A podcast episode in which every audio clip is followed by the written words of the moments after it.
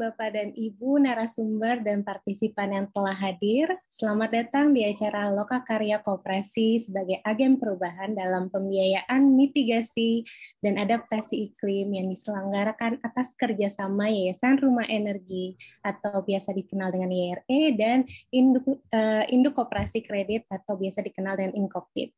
Yayasan Rumah Energi adalah sebuah organisasi masyarakat sipil non-profit yang memiliki visi untuk memberikan akses masyarakat Indonesia kepada energi terbarukan dan ketahanan pangan dalam upaya peningkatan ekonomi kerakyatan, pengentasan kemiskinan, pengurangan risiko bencana, serta upaya mitigasi dan adaptasi krisis iklim.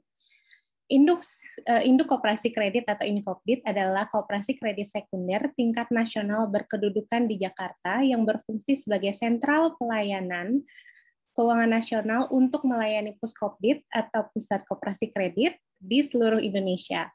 Fungsi utama dari Inkopdit yaitu mengembangkan koperasi kredit di wilayah Indonesia, baik kuantitas maupun kualitas sehingga jaringan usaha koperasi kredit yang kuat, sehat, dan mandiri, mulai dari koperasi kredit primer, sekunder daerah, maupun nasional. Terima kasih Bapak dan Ibu yang telah hadir. Perkenalkan saya Anissa dari Yayasan Rumah Energi.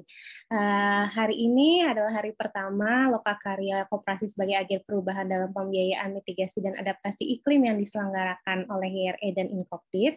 Dan telah hadir di sini uh, moderator kami hari ini yaitu Bapak Giorgio atau biasa dikenal dengan Bapak Jojo. Selamat pagi Mas Jojo.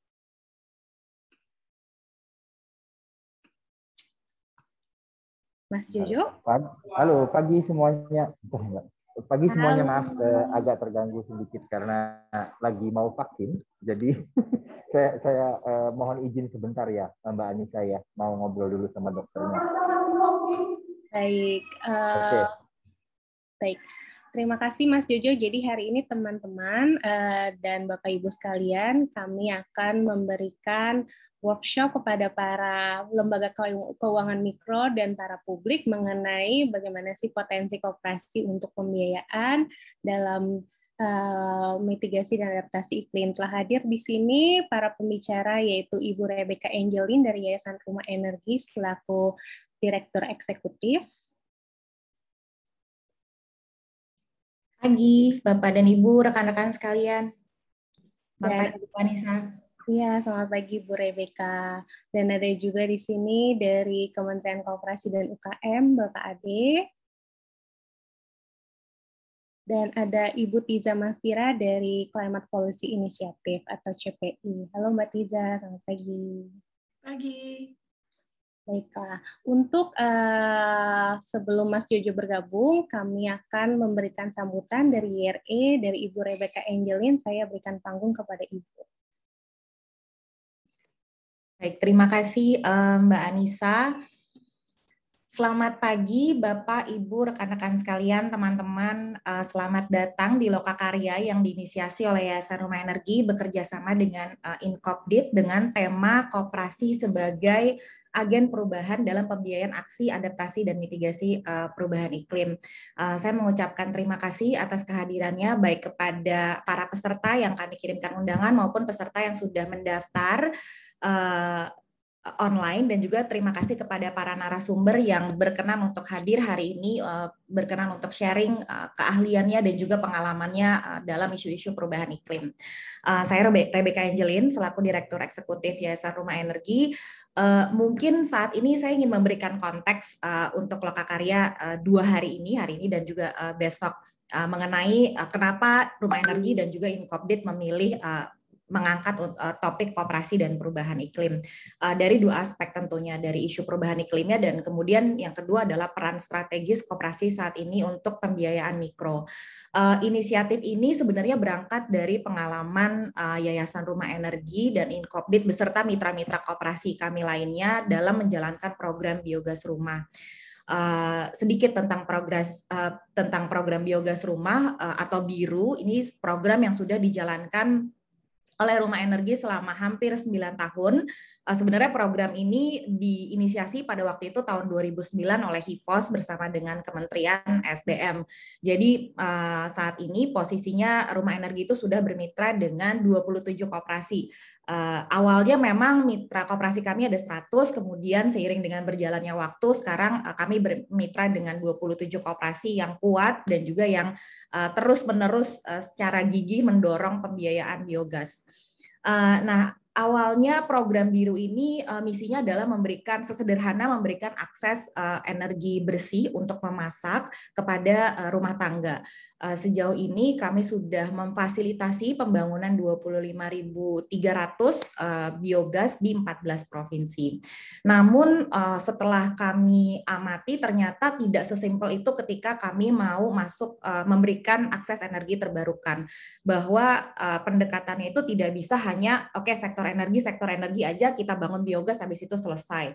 Uh, kenapa? Karena memang dari awal pendekatan yang dipilih oleh uh, inisiatif program biru ini adalah pendekatan pasar.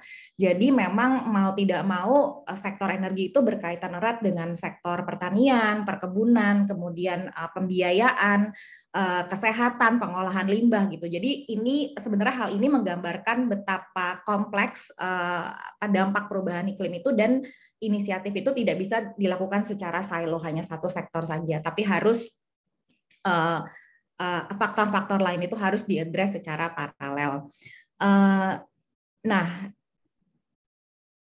tapi di lain pihak kompleksitas ini memang menuntut uh, kami juga untuk bisa berkolaborasi bukan hanya antar sektor tapi juga antar uh, stakeholder dan NGO dan uh, workshop ini uh, menggambarkan uh, bentuk dari kolaborasi ini. Uh, jadi kami juga mengundang para narasumber dari uh, ada yang periset, kemudian ada praktisi, ada NGO, ada perusahaan, dan tentunya uh, yang paling utama adalah mitra-mitra kooperasi. Um, terkait dengan uh, kemitraan rumah energi dengan kooperasi dalam menjalankan program biru memang uh, kemitraan yang sangat strategis. Di sini kami misinya itu adalah uh, tadi karena mendorong pendekatan pasar untuk penyebaran semakin banyak uh, penggunaan biogas di Indonesia, kami melihat koperasi itu sebenarnya menjadi market driver atau yang uh, ya menjadi market driver untuk uh, melalui pembiayaan uh, biogas. Tahun lalu memang dengan adanya COVID itu merupakan tantangan yang yang cukup berat ketika kami menjalankan program biru, tapi patut diapresiasi beberapa mitra koperasi itu tetap menyalurkan pembiayaan biogas.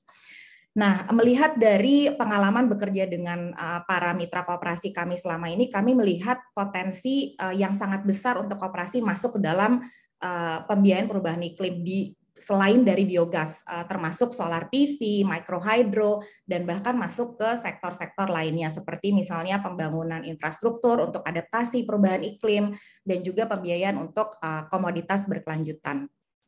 Nah, eh, peran strategis kooperasi yang kami lihat selama ini ada di eh, banyak eh, di banyak hal gitu ya, tapi tiga yang utama adalah yang pertama adalah jangkauan.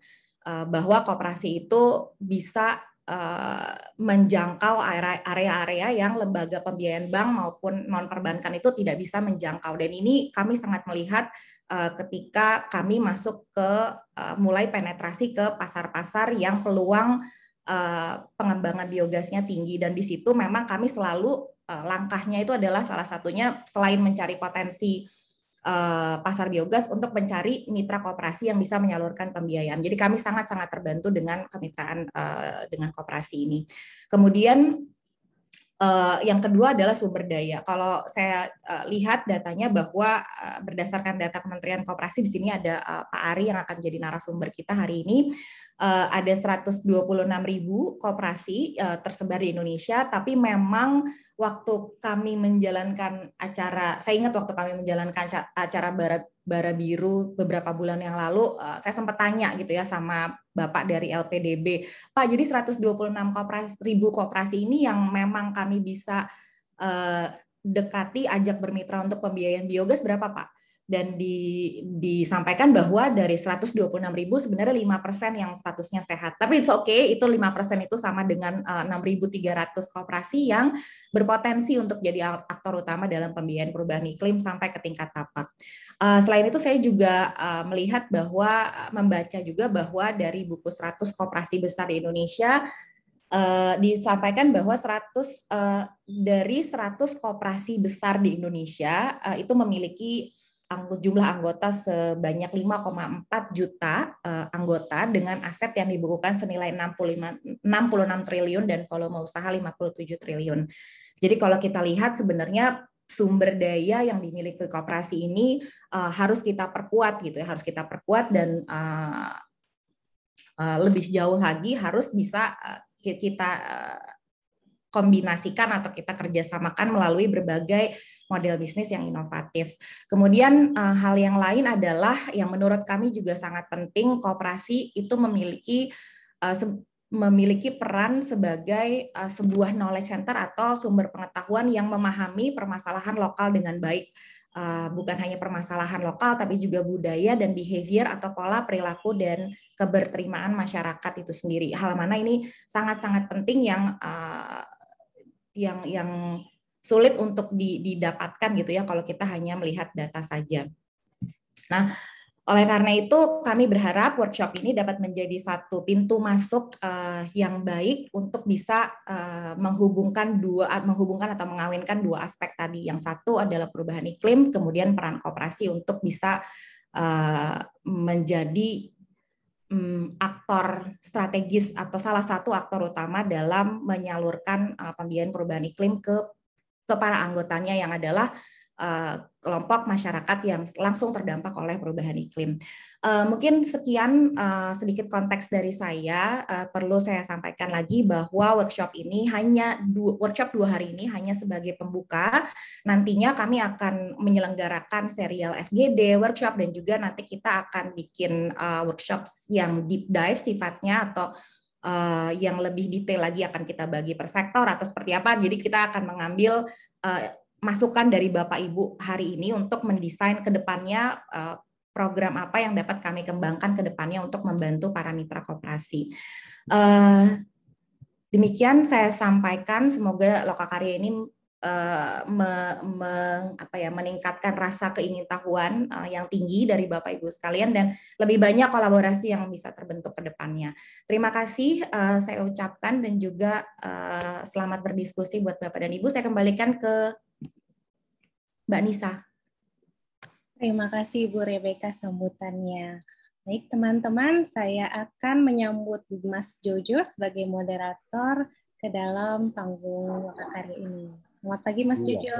Terima kasih. Terima kasih pagi Anissa. Terima kasih. Mohon maaf sekali Bapak-Bapak Ibu-Ibu sekalian tadi agak sedikit eh, terburu-buru karena saya juga lagi masih di lobi rumah sakit, lagi vaksin. Tapi selamat pagi. Perkenalkan saya Jojo saya akan menjadi moderator, dimintai tugas oleh IRE dan saya nggak boleh menolak.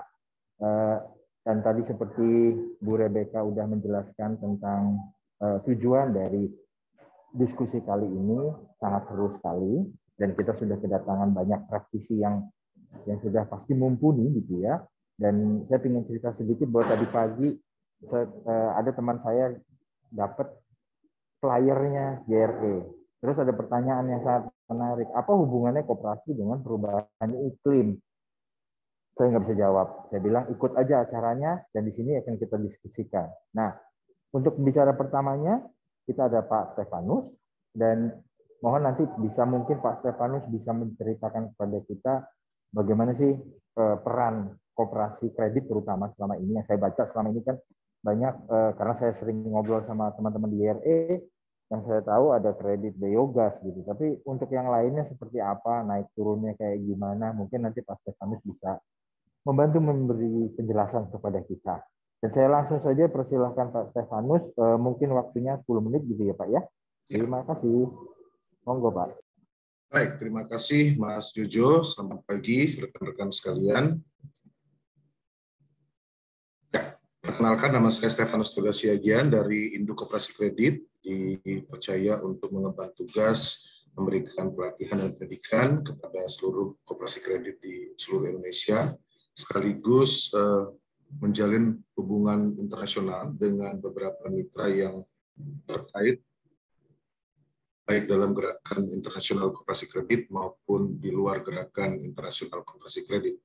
Terima kasih kepada IRE yang sudah memberikan kepercayaan kepada kami untuk uh, menjadi salah satu narasumber. Mudah-mudahan apa yang kami paparkan dapat membuka mindset kita semua mengenai peran koperasi dalam menjaga kelestarian lingkungan.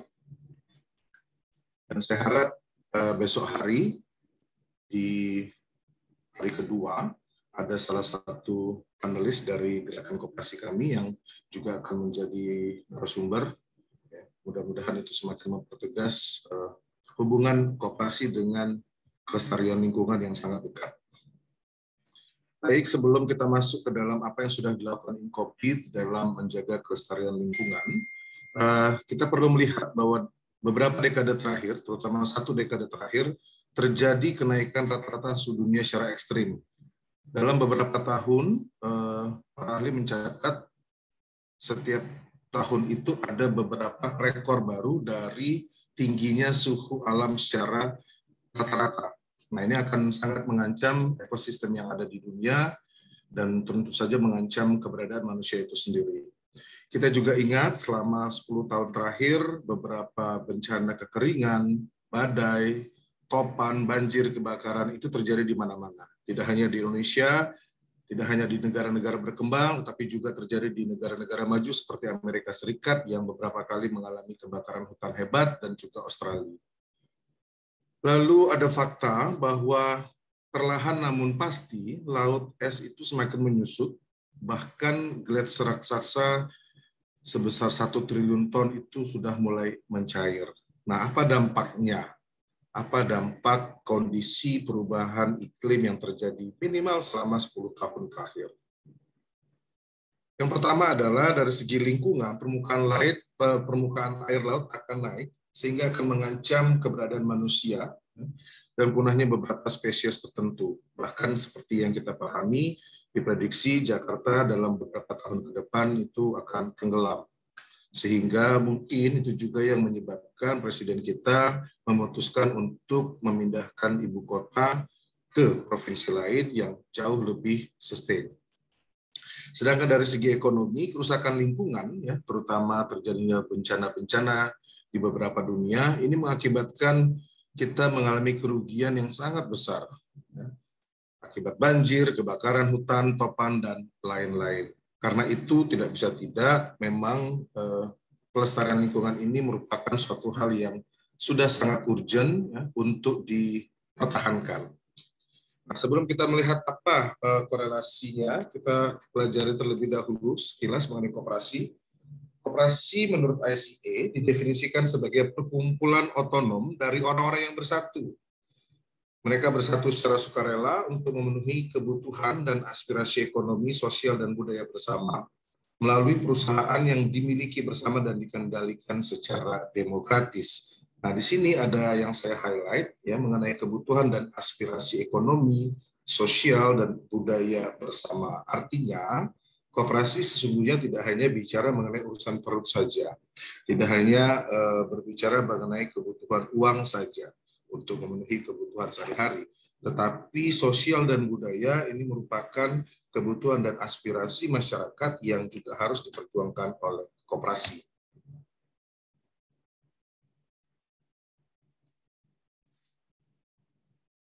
Berikutnya, dari definisi tersebut, eh, bisnis bagi kooperasi adalah bisnis yang didorong oleh nilai bukan hanya bicara mengenai keuntungan belaka, tetapi kooperasi berbagi prinsip yang disepakati secara internasional dan bertindak bersama untuk membangun dunia yang lebih baik melalui kerjasama.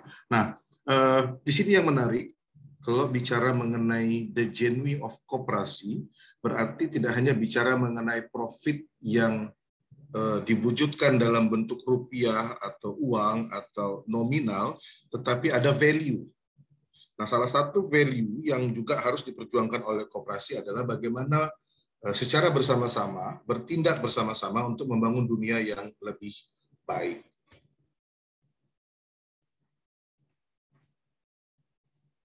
Selain itu, dari nilai-nilai kooperasi yang ada, ada salah satu nilai yang berbicara mengenai tanggung jawab sosial kooperasi dan kepedulian terhadap orang lain.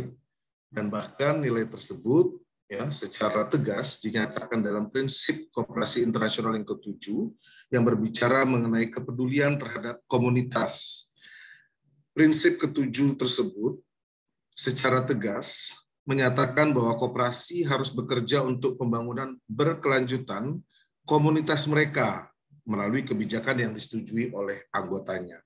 Nah, definisi komunitas mereka adalah uh, wilayah atau area atau secara geografis di mana letak koperasi itu uh, melakukan operasional. Jadi tidak hanya di mana anggotanya berada, tetapi di seluruh wilayah operasional koperasi, di situ merupakan tanggung jawab koperasi untuk menciptakan pembangunan berkelanjutan. Karena itu, koperasi memiliki tanggung jawab untuk menjaga, menjaga kelestarian lingkungan dengan melindungi lingkungan dalam menghadapi tantangan yang mendesak dan berkembang. Nah ini yang menarik, eh, ternyata masalah lingkungan ini merupakan concern juga eh, di dunia perkoperasian Bahkan ICA sendiri secara tegas uh, menyebutkan ya, bahwa kooperasi harus benar-benar memberikan kontribusi nyata di dalam menjaga kelestarian lingkungan. Karena itulah beberapa tahun terakhir melalui Federasi Asia kami, melalui Asosiasi Kredit Union setingkat Asia, kami diminta juga untuk mengaplikasikan SDG, Sustainable Development Goals.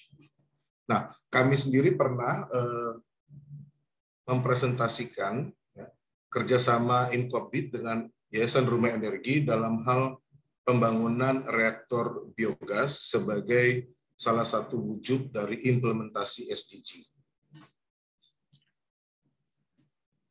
Sejarah mencatat bahwa 100 tahun terakhir, kooperasi itu sudah mulai Eh, terlibat di dalam beberapa upaya perlindungan lingkungan. Seperti yang kita lihat, operasi konsumen di Eropa, di Amerika Utara, dan di Jepang mulai mengembangkan produk yang bersifat ramah lingkungan, ya, mempromosikan green consumerism, ya, artinya eh, menggunakan bahan-bahan yang mudah diurai ya, dan yang tidak merusak lapisan ozon sehingga tidak memperberat eh, efek rumah kaca di dunia ini. Begitu juga dengan koperasi pertanian, ya, banyak mendorong para petani untuk uh, memberi menghasilkan produk-produk organik. Bahkan saya baru saja kemarin pulang dari Bandung, saya dioleh-olehi oleh Pak Ketua kami itu beras satu karung yang merupakan beras organik dari hasil tani binaan koperasi Pak Ketua itu sendiri dan juga koperasi perikanan yang waspada terhadap pencemaran air dari limbah industri dan rumah tangga. Lalu apa yang yang sudah dilakukan oleh koperasi kredit kami selama beberapa tahun terakhir dalam menjaga kelestarian lingkungan? Eh, beberapa program sederhana untuk melestarikan lingkungan sudah dimulai di beberapa koperasi kredit, seperti melakukan penghematan, baik penghematan air, penghematan listrik, bahkan ada koperasi kredit yang membangun kantor itu didominasi oleh kaca, sehingga tidak terlalu membutuhkan penerangan ya dan dapat mengurangi konsumsi listrik. Lalu saya beberapa kali eh, datang ke kantor koperasi-koperasi kredit kami melihat di atas wastafel itu hampir selalu ada tulisan uh, untuk melakukan penghematan air. Gunakan air secukupnya, matikan keran apabila tidak digunakan, maupun uh, uh, pengingat-pengingat lain yang ditujukan untuk melakukan penghematan air. Berikutnya, beberapa koperasi kami juga sudah melakukan upaya pencegahan banjir, seperti melakukan pembersihan got di lingkungannya masing-masing dan membuat resapan air seperti uh. Lalu di masing-masing kantor itu ada tempat sampah ya uh, yang sudah ada kategorinya, mana yang sampah kertas, mana yang sampah sulit diurai ya, sehingga pelan-pelan anggota pun juga dibiasakan untuk uh, mulai memikirkan tentang kelestarian lingkungan. Lalu beberapa upaya penghijauan, baik penanaman pohon di lingkungan kantor, di luar gedung, di luar uh, uh, kantornya, maupun uh, wajib untuk apa ya ada pot di dalam ruangan atau pot kecil di atas meja ya paling tidak untuk membuat udara ini tidak terlampau tercemari oleh AC ya karena beberapa kantor ini memiliki AC. Lalu juga program daur ulang ya sehingga tidak tidak sekedar membuang tetapi memilah mana yang masih bisa digunakan. Nah, kalau yang tidak bisa digunakan itu ditawarkan kepada anggota apabila anggota ada yang memiliki kreasi-kreasi ya sehingga dapat membantu anggota untuk menambah penghasilannya. Apa yang sudah kami lakukan ada uh, training namanya Credit Union Microfinance Innovation atau CUMI ya. Di sini memfokuskan kredit kepada usaha-usaha pertanian, peternakan dan perikanan dari kalangan masyarakat miskin dan berpenghasilan rendah dan jauh sekali dari akses perbankan. Lalu ada program yang tadi seperti saya sampaikan. Mas Stefani, mohon maaf, dua menit lagi. Ya, ya baik. Maaf. Ya. ya. Untuk mendorong pemanfaatan energi baru terbarukan, baik dari limbah kotoran hewan maupun sampah rumah tangga. Yang terbaru eh, yang sedang berjalan ini di Sulawesi Tenggara, di sebuah pulau yang namanya Pulau Muna, tepat di seberang Pulau Buton. Dan ini yang yang terakhir adalah yang akan kami coba untuk tawarkan ke kobit-kobit primer, yaitu penggunaan solar panel sebagai alternatif listrik. Nah, eh, beberapa kobit sudah menerapkan pinjaman biogas ya, yang digunakan untuk anggota membangun reaktor biogas yang durasinya tidak dipatok 12 bulan, 24 bulan, ataupun 36 bulan misalnya, tetapi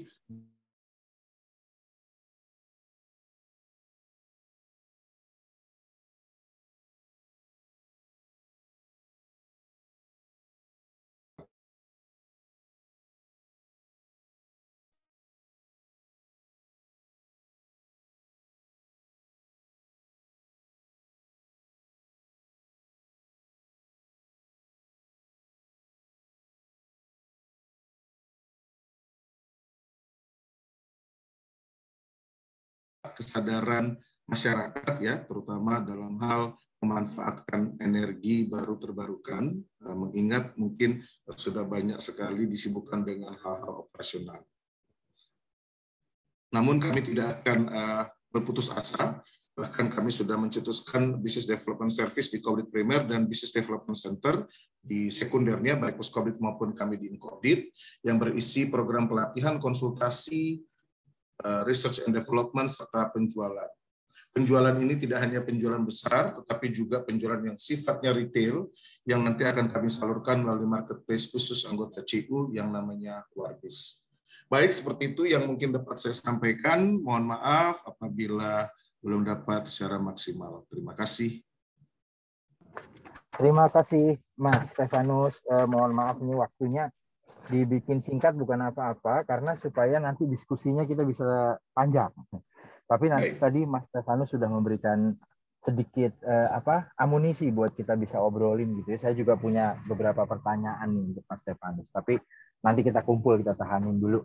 Nah, eh, kita sudah kedatangan dari kementerian. Eh, apakah sudah hadir, Pak Ari?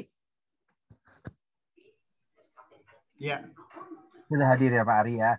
Iya, eh, selamat pagi Pak Ari. Eh, tadi kita sudah mendengar dari sisi kooperasinya yang eh, dinaungi oleh Pak Ari juga gitu ya dari Kementerian Kooperasi. Nah, eh, saya ingin tanya kira-kira eh, kalau Pak Ari sendiri ngelihatnya eh, gimana dari kacamata eh, pemerintah dalam konteks eh, pembiayaan untuk eh, energi terbarukan dan juga eh, pemenuhan eh, apa SDG. Ya. Baik, terima kasih uh, Pak Jojo.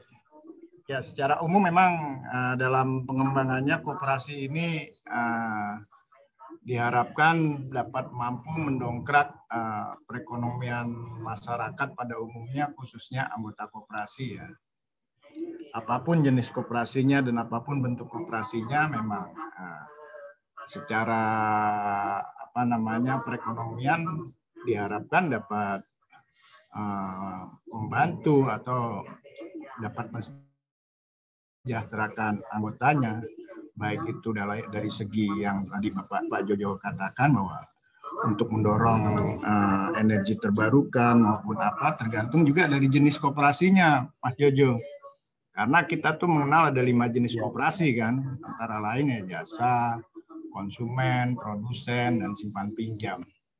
Nah saat ini yang terbanyak memang uh, dari segi pembiayaan itu biasanya uh, bersumber dari kooperasi simpan pinjam. Itu Mas Jojo. Oke, kalau misalnya banyak yang simpan pinjam, apakah ada eh, apa namanya pengalaman dari eh, Pak Ari nih terkait dengan eh, pembiayaan-pembiayaan yang sifatnya eh, atau dari koperasi yang bentuk yang lain gitu ya, yang sifatnya eh, untuk pembiayaan perubahan iklim gitu Pak, atau misalnya kayak biogas atau mungkin solar panel atau mungkin kegiatan-kegiatan lain yang saya belum tahu gitu. Gimana Pak? Ya, kalau memang uh, apa namanya kooperasinya yang melaksanakan usaha dari jenis yang tadi disampaikan oleh Pak Jojo, memang diharapkan kooperasi itu dapat membiayai sendiri. Gitu.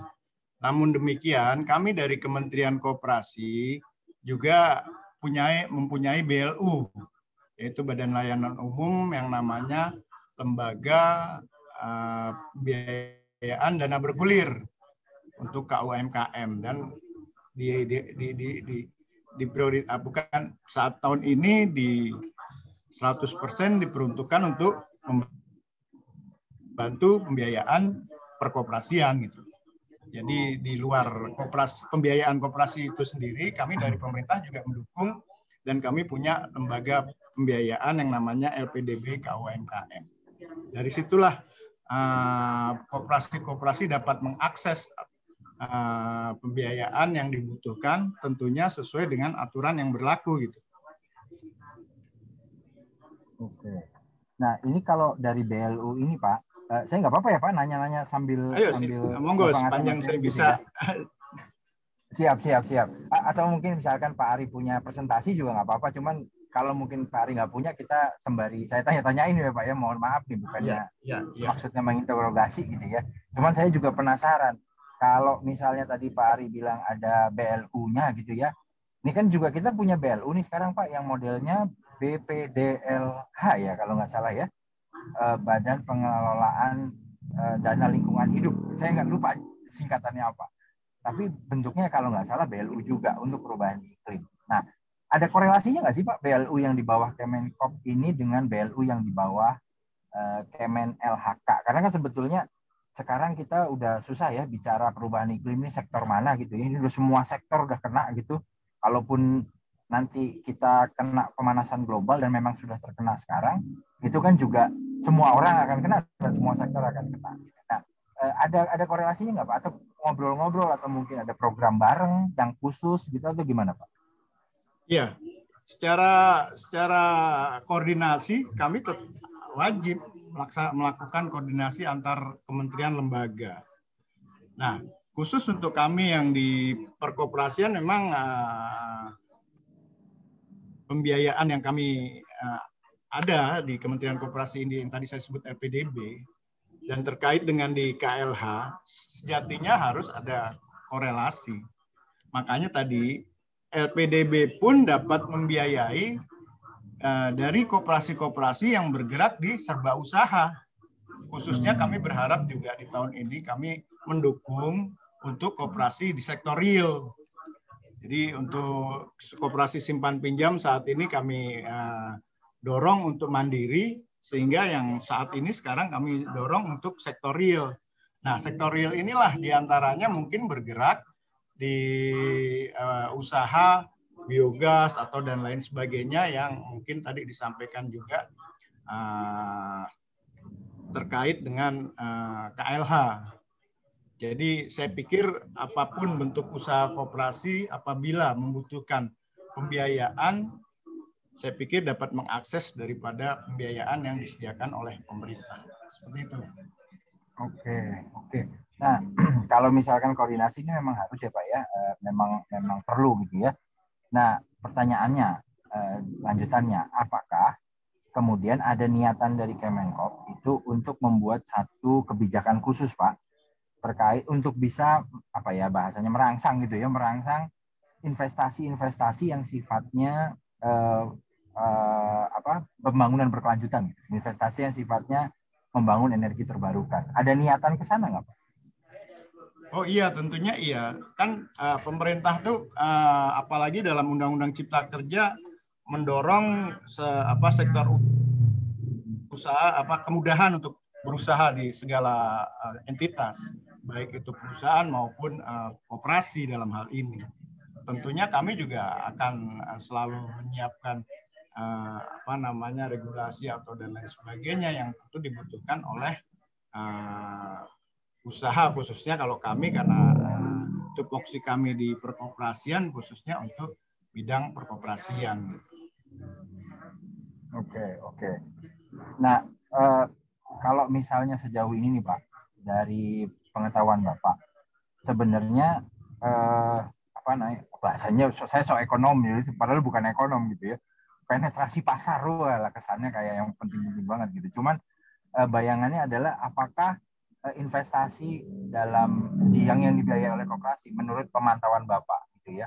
Yang sekarang uh, isunya adalah uh, pembangunan biogas, mungkin pembangunan solar atap gitu ya. Uh, itu sudah diminati atau belum sih Pak kalau kalau dari pandangan Bapak dari sisi pemerintah? Ya, secara khusus memang kami belum ikut terjun atau ikut uh, apa namanya masuk dalam bagian itu Pak. Tapi uh, kalau kita lihat dari jenis koperasi yang melakukan usaha uh, ya. dan sudah banyak juga koperasi yang melakukan kegiatan uh, bidang energi terbarukan gitu. Hmm, hmm. Apalagi uh, sekarang ini kan juga banyak memanfaatkan uh, koperasi koperasi terutama koperasi uh, anu ya peternakan itu banyak memanfaatkan mohon maaf kotoran uh, sapi khususnya. Itu ya. dikembangkan untuk menjadi uh, energi terbarukan juga gitu. Itu banyak juga yang kita dukung. Ya iya iya. Jadi peluangnya kalau menurut bapak masih masih kelihatan besar ya pak ya? Sangat besar sangat besar. Dan kita memang uh, walaupun di mungkin Bapak belum ya. Di Kementerian Koperasi ini tahun ini mendorong untuk menjadi pengembangan koperasi modern gitu loh.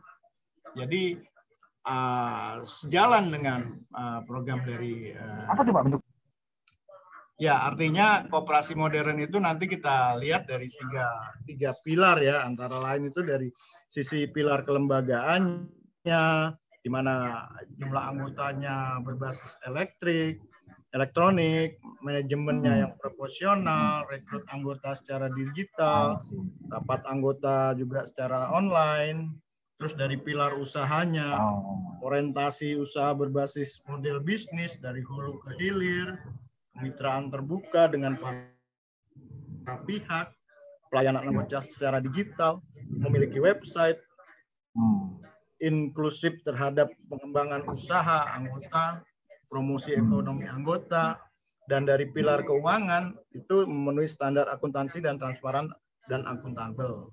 Terus ada penkesnya juga penilaian kesehatan, utamanya yang cukup sehat gitu.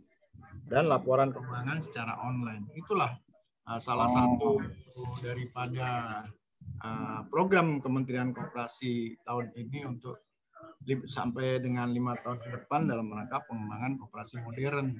Dan masuk dalam kategori koperasi modern itu ya salah satunya tadi. Apa yang telah dikembangkan oleh koperasi-koperasi peternakan dalam rangka apa namanya mengembangkan usahanya. Ya tadi memanfaatkan kotoran mohon maaf kotoran sapi dan lain sebagainya dikembangkan menjadi uh, energi gas terbarukan atau listrik dan lain sebagainya. Saya pikir ini sudah masuk juga dalam program yang sedang didorong oleh teman-teman di sini. Iya, iya, iya. Ini 4.0 lah Pak ya, kooperasi 4.0 eh, men, apa, menjelang dunia digital gitu ya.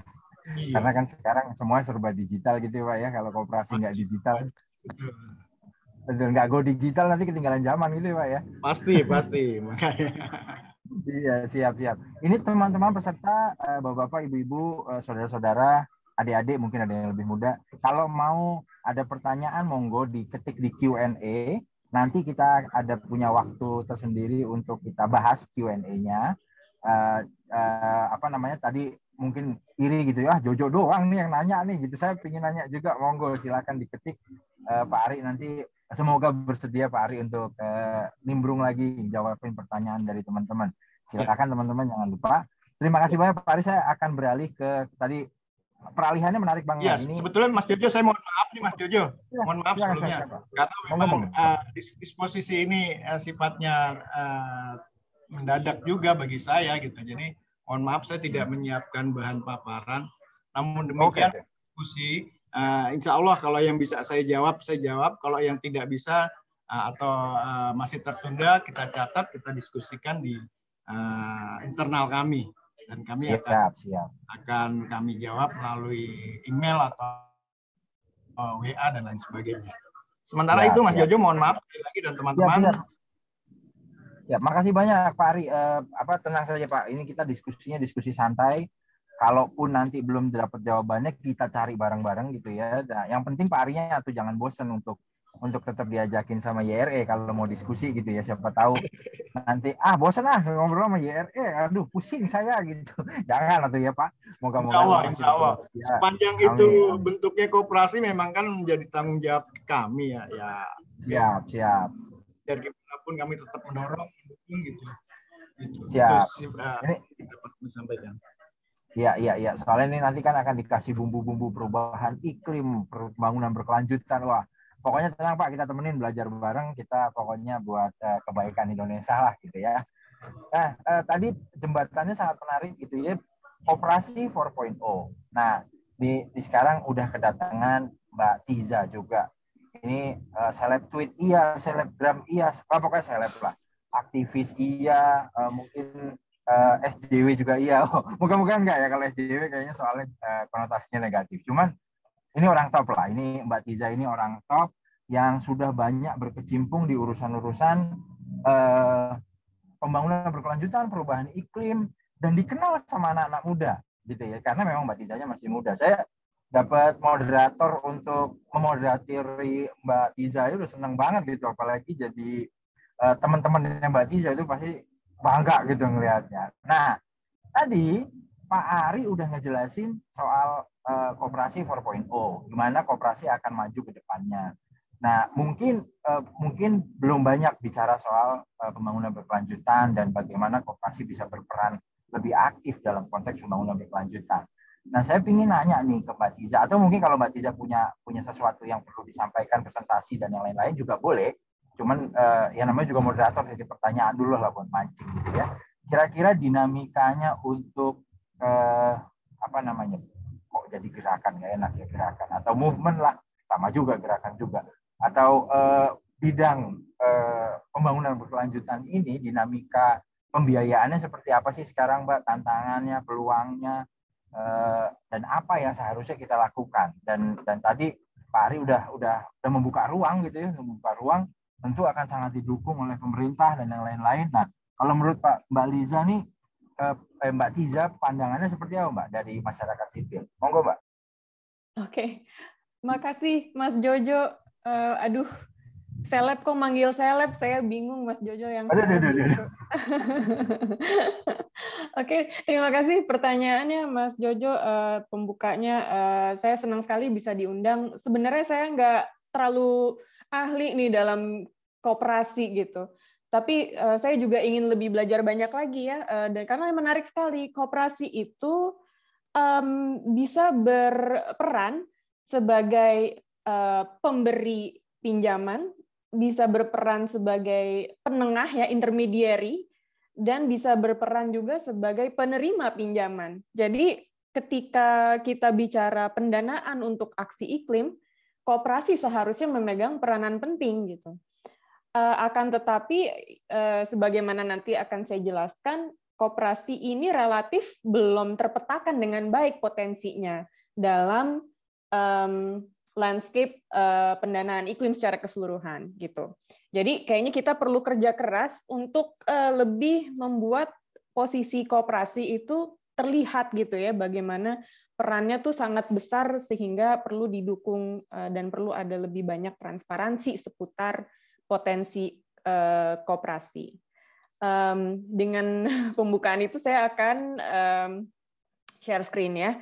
Uh, izin presentasi sekitar 10 menit um, untuk memberikan gambaran secara global bagaimana sih pendanaan uh, untuk uh, aksi mitigasi dan adaptasi krisis iklim di dunia dan di Indonesia. Jadi secara umum pendanaan yang sudah mengalir sekarang untuk iklim ya masih jauh dari yang dibutuhkan untuk menjaga suhu bumi di bawah 1,5 derajat Celcius uh, garis yang warna hijau telur asin, uh, ya kotak yang warna hijau telur asin itu adalah kebutuhannya. Uh, sedangkan garis yang warna biru yang di bawah itu adalah yang saat ini mengalir, jadi masih jomplang ya, masih agak jauh. Dan ini terlihat uh, ada perlu lebih banyak uh, pendanaan baik dari sektor publik maupun dari sektor swasta. Nah, kalau kita lihat untuk off grid dan mini grid karena kita bicara koperasi, tentu kita bicara um, marketnya koperasi ya. Marketnya koperasi adalah um, yang skala kecil, yang UKM, yang petani mungkin, yang di desa, yang bisa menjangkau benar-benar rakyat ya uh, uh, secara luas. Uh, maka kita bicara uh, access to energy lah ya dan access to energy itu um, kalau uh, apa berdasarkan uh, apa riset itu uh, harusnya sekitar 40% renewable energy yang uh, baru itu harusnya berbentuk uh, off grid dan mini grid.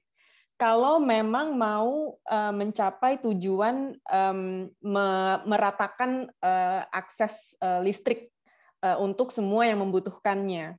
Nah, ini kebetulan CPI pernah bikin riset untuk melihat beberapa negara, sekitar 20 negara yang apa rasio elektrifikasinya masih rendah dan menemukan bahwa uh, pendanaan yang mengalir untuk uh, elektrifikasi di negara-negara tersebut proporsinya seperti ini. Jadi kira-kira begini dan terlihat bahwa lebih banyak pendanaan yang mengalir untuk yang terkoneksi dengan grid yang abu-abu dan yang kuning itu adalah yang grid connected.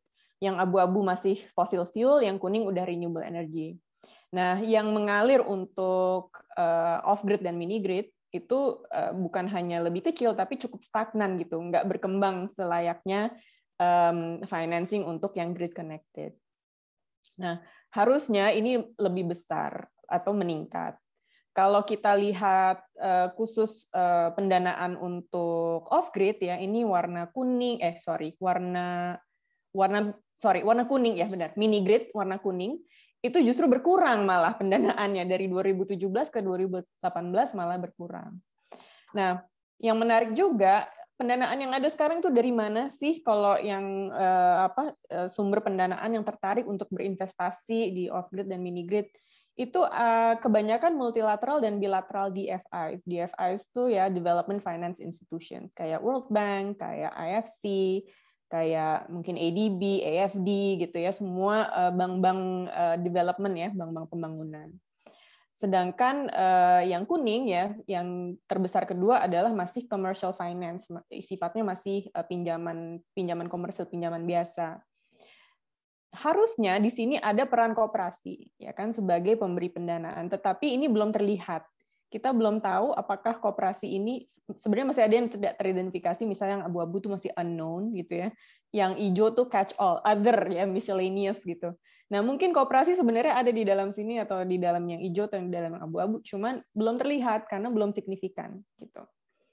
Eh, demikian pula kalau kita eh, kan tadi bahasannya adalah biogas ya. Demikian pula kalau kita tidak hanya bicara mini grid dan off grid, kita juga bicara misalnya biogas, biomas, eh, biodigester gitu ya, untuk listrik, untuk masak. Itu juga terlihat um, apa ya um, bahwa uh, sebenarnya um, pendanaannya masih kurang, masih kurang dari yang dibutuhkan. Tetapi yang menarik um, sudah semakin banyak opsi ya uh, uh, warnanya tuh semakin beragam, semakin ke kanan semakin beragam warnanya.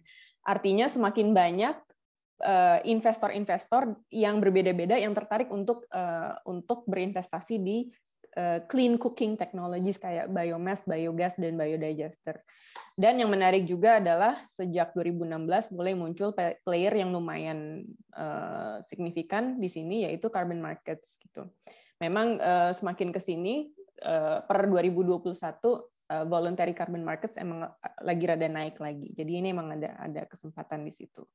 Lagi-lagi kooperasi ada di mana gitu kita nggak nggak nggak nggak bisa lihat karena mungkin belum transparan atau uh, belum signifikan.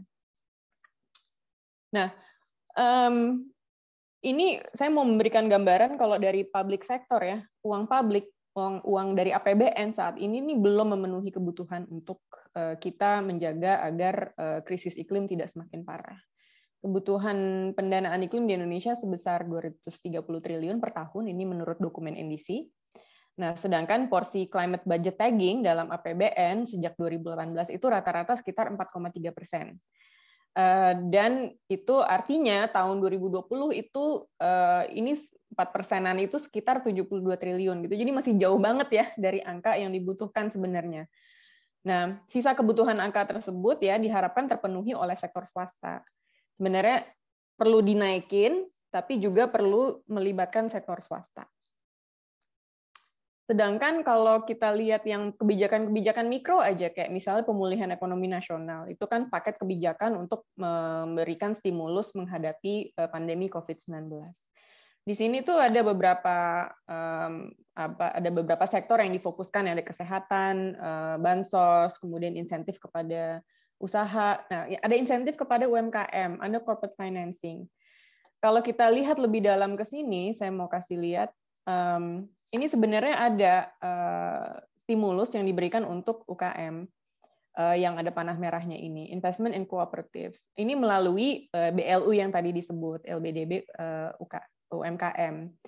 Nah, eh, ini menunjukkan bahwa sebenarnya kooperasi dianggap sebagai penggerak eh, penggerak roda ekonomi juga ya. Dan eh, tetapi pertanyaannya adalah apakah ini hijau? Maksudnya apakah ini hanya diberikan untuk kooperasi yang melakukan kegiatan yang mendukung aksi iklim gitu? Jawabannya adalah tidak gitu. Karena semua insentif-insentif ini diberikan secara secara netral, tidak memandang apakah suatu sektor itu hijau atau tidak.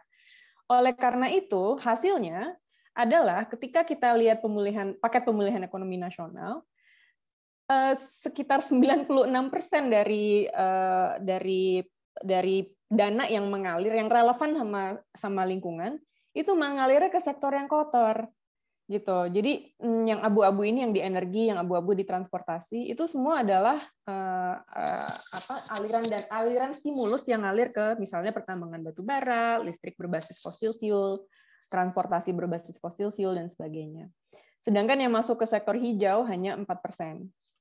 Ya, misalnya adalah sedikit-sedikit ada corporate financing untuk PLN, eh, untuk proyek energi terbarukan ada ada subsidi untuk biodiesel dan sebagainya. Jadi tapi sedikit sekali. Karena memang tidak disengaja, tidak tidak dibikin eksplisit bahwa stimulus ini harus mengalir, hanya ke yang hijau gitu. Nah, kalau kita lihat eh, dari sektor swasta, pendanaannya seperti apa, ini juga masih jauh banget gapnya. Ada gap, saya langsung aja eh, bacain yang 12 eh, miliar dolar investment gap per tahun. Nah, sekarang ini Eh, pendanaan yang mengalir ke energi terbarukan ya di Indonesia, ini khusus Indonesia, itu eh, kebanyakan masih dari perbankan seperti ya perbankan lah ya, dan eh, instrumennya juga kebanyakan adalah yang instrumen kredit komersil biasa, sehingga kelihatannya memang yang akan dibiayai oleh instrumen-instrumen ini adalah ya lagi-lagi sejalan dengan yang studi global tadi adalah yang on grid, renewables yang on grid karena skalanya cukup besar dan sebagainya. Sehingga yang untuk skala UKM, skala mini grid off grid itu eh, belum banyak mendapatkan pembiayaan. Nah, seharusnya kooperasi bisa mengisi pembiayaan tersebut. Ini hmm, slide terakhir kalau nggak salah.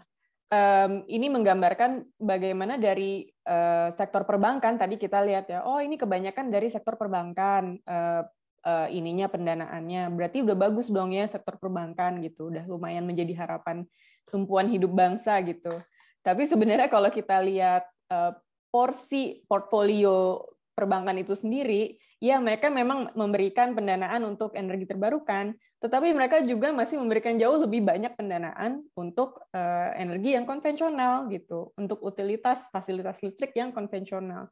Jadi ini belum mencerminkan balance yang sebenarnya ideal. Yang kita ingin lihat adalah renewable energy jauh lebih banyak mendapatkan pendanaan dari uh, sektor uh, fossil fuel. Dan yang kedua, Eh, kita ingin melihat bahwa eh, sektor yang off grid, mini grid, yang decentralized, yang menjangkau eh, masyarakat menengah ke bawah itu juga porsinya lebih tinggi lagi daripada yang ada sekarang. Uh, ya itu aja mungkin dari saya dan uh, untuk menekan uh, apa saya tutup dengan menekankan sekali lagi bahwa uh, melihat uh, peta pendanaan seperti itu uh, saya rasa kooperasi ya harus kita gali lebih banyak lagi Eh, sebagai potensi pemberi pendanaan eh, untuk eh, sektor yang kelas menengah ke bawah. Terima kasih. Terima kasih Mbak Tiza, sangat menarik. sorry, baru nyalain video, baru sampai pakai bajunya nggak pakai kemeja. Mbak Tiza udah rapi, saya nggak pakai karena baju vaksin. Jadi kata dokternya kan harus pakai siap vaksin. Jadi nggak bisa rapih-rapih kayak saudara-saudara teman-teman semua di sini. Dan tadi eh, menarik banget ternyata eh, koperasi dengan BLU-nya eh, dan dan apa namanya pembiayaan biaya insentif itu sudah lumayan eh, menggelontor ke sektor energi. Cuman catatannya energi kotor. Nah itu tadi tadi juga yang bikin jadi saya penasaran kekhususannya untuk energi bersih itu sikap kebijakannya seperti apa. Nah tapi itu nanti kita jawabnya pas pas tanya jawab ya. Moga-moga ada ada ada yang mau mendiskusikan ini. Poinnya bukan masalah siapa yang apa siapa yang bisa menjawabnya, tapi eh, gimana diskusi ini bergulir. Eh, tapi saya penasaran sama tadi presentasinya Mbak Tiza. Dan dan apa namanya ngelihat dari peran lembaga-lembaga keuangan tadi.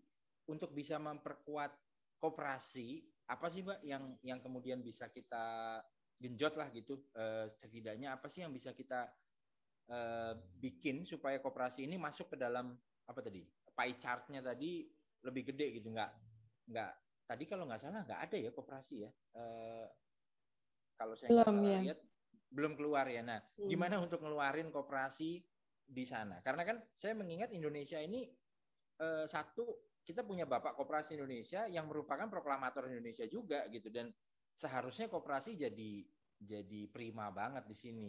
Tapi kan kita juga tahu cerita-cerita tentang kegagalan koperasi juga banyak gitu ya. Nah, Mbak Tiza ngelihatnya gimana sih di masa yang sekarang yang era 4.0 ini sebenarnya untuk memasukkan koperasi dalam pie chart itu gimana, Mbak? Mm -hmm. Ya, pertama sih mungkin koperasi itu harus di kita pahami bersama sebagai suatu institusi keuangan juga ya. Sekarang ini kan uh, belum persis berada di ranah itu gitu, masih dianggap sebagai ya pokoknya ada satu bentuk uh, entitas hukum sendiri gitu. Uh, tetapi ya karena karena koperasi kegiatannya bisa macam-macam, bisa jualan barang juga, bisa ya pokoknya apa pun kebutuhan masyarakat koperasi bisa kan sebenarnya itu kan keunggulan koperasi. Tetapi dalam aspek koperasi bisa memberikan pinjaman kepada membernya, itu kan berarti menjadikan dia sebagai sebenarnya adalah ya lembaga keuangan gitu. Dan itu belum belum belum tercermin kayaknya belum masuk ke radar. Um, uh, saya nggak mau bilang mereka harus lebih banyak diawasi. Saya cuma bilang bahwa uh, um, mereka selama ini memberikan pendanaan dan itu harusnya bisa kita uh, catat ya, kita tangkap uh, angkanya berapa sehingga bisa masuk ke dalam uh, apa data-data yang seperti itu di itu. Yang kedua adalah um, saya tertarik juga dengan ide modernisasi kooperasi, walaupun saya nggak paham modernisasinya itu bentuknya seperti apa uh, karena bukan ahli kooperasi, tapi yang uh, saya rasa itu menarik untuk diikuti perkembangannya seperti apa karena kalau dengan modernisasi seharusnya mereka akan memiliki um, ledger yang lebih modern, sistem accounting, sistem accountability yang lebih modern, yang bisa memungkinkan mereka memberikan skema-skema uh, keuangan, mengakses skema-skema keuangan yang lebih canggih juga, gitu ya. Nah, harapannya adalah modernisasi itu dibarengi dengan ambisi untuk memperbesar kapasitas koperasi untuk um, mengakses pendanaan, memberikan pendanaan yang yang lebih hijau gitu. Siap, siap. Cakep nih ada ledger. Udah ngomongin ledger tuh berarti udah dikit-dikit ngomongin bitcoin dikit-dikit ngomongin eh, blockchain. Kok bitcoin Aduh. blockchain. Bukan bitcoin blockchain. Kenapa saja blockchain? Ya, tapi ya, siapa ya. tahu nanti Wah, saya lebih nggak ahli lagi soal itu. Makasih makasih banyak mbak Tiza. Eh, eh, nanti nanti moga-moga ada ada pertanyaan-pertanyaan yang bisa Mbak Tiza perdalam lagi ya kalau ada dari teman-teman. Saya ngelihat ada Q&A udah ada beberapa pertanyaan. Wah mantap. Uh, tapi kita sabar dulu karena ada satu lagi uh, dari dari panitia saya tadi baru dapat bisikan ada Pak Nugroho dari Dekopin Jawa Timur. Uh, tapi Pak Nugroho kayaknya belum belum masuk ke ke host, jadi masih di peserta. Pak Nugroho apakah bisa dengar saya Pak? Atau nggak dengar?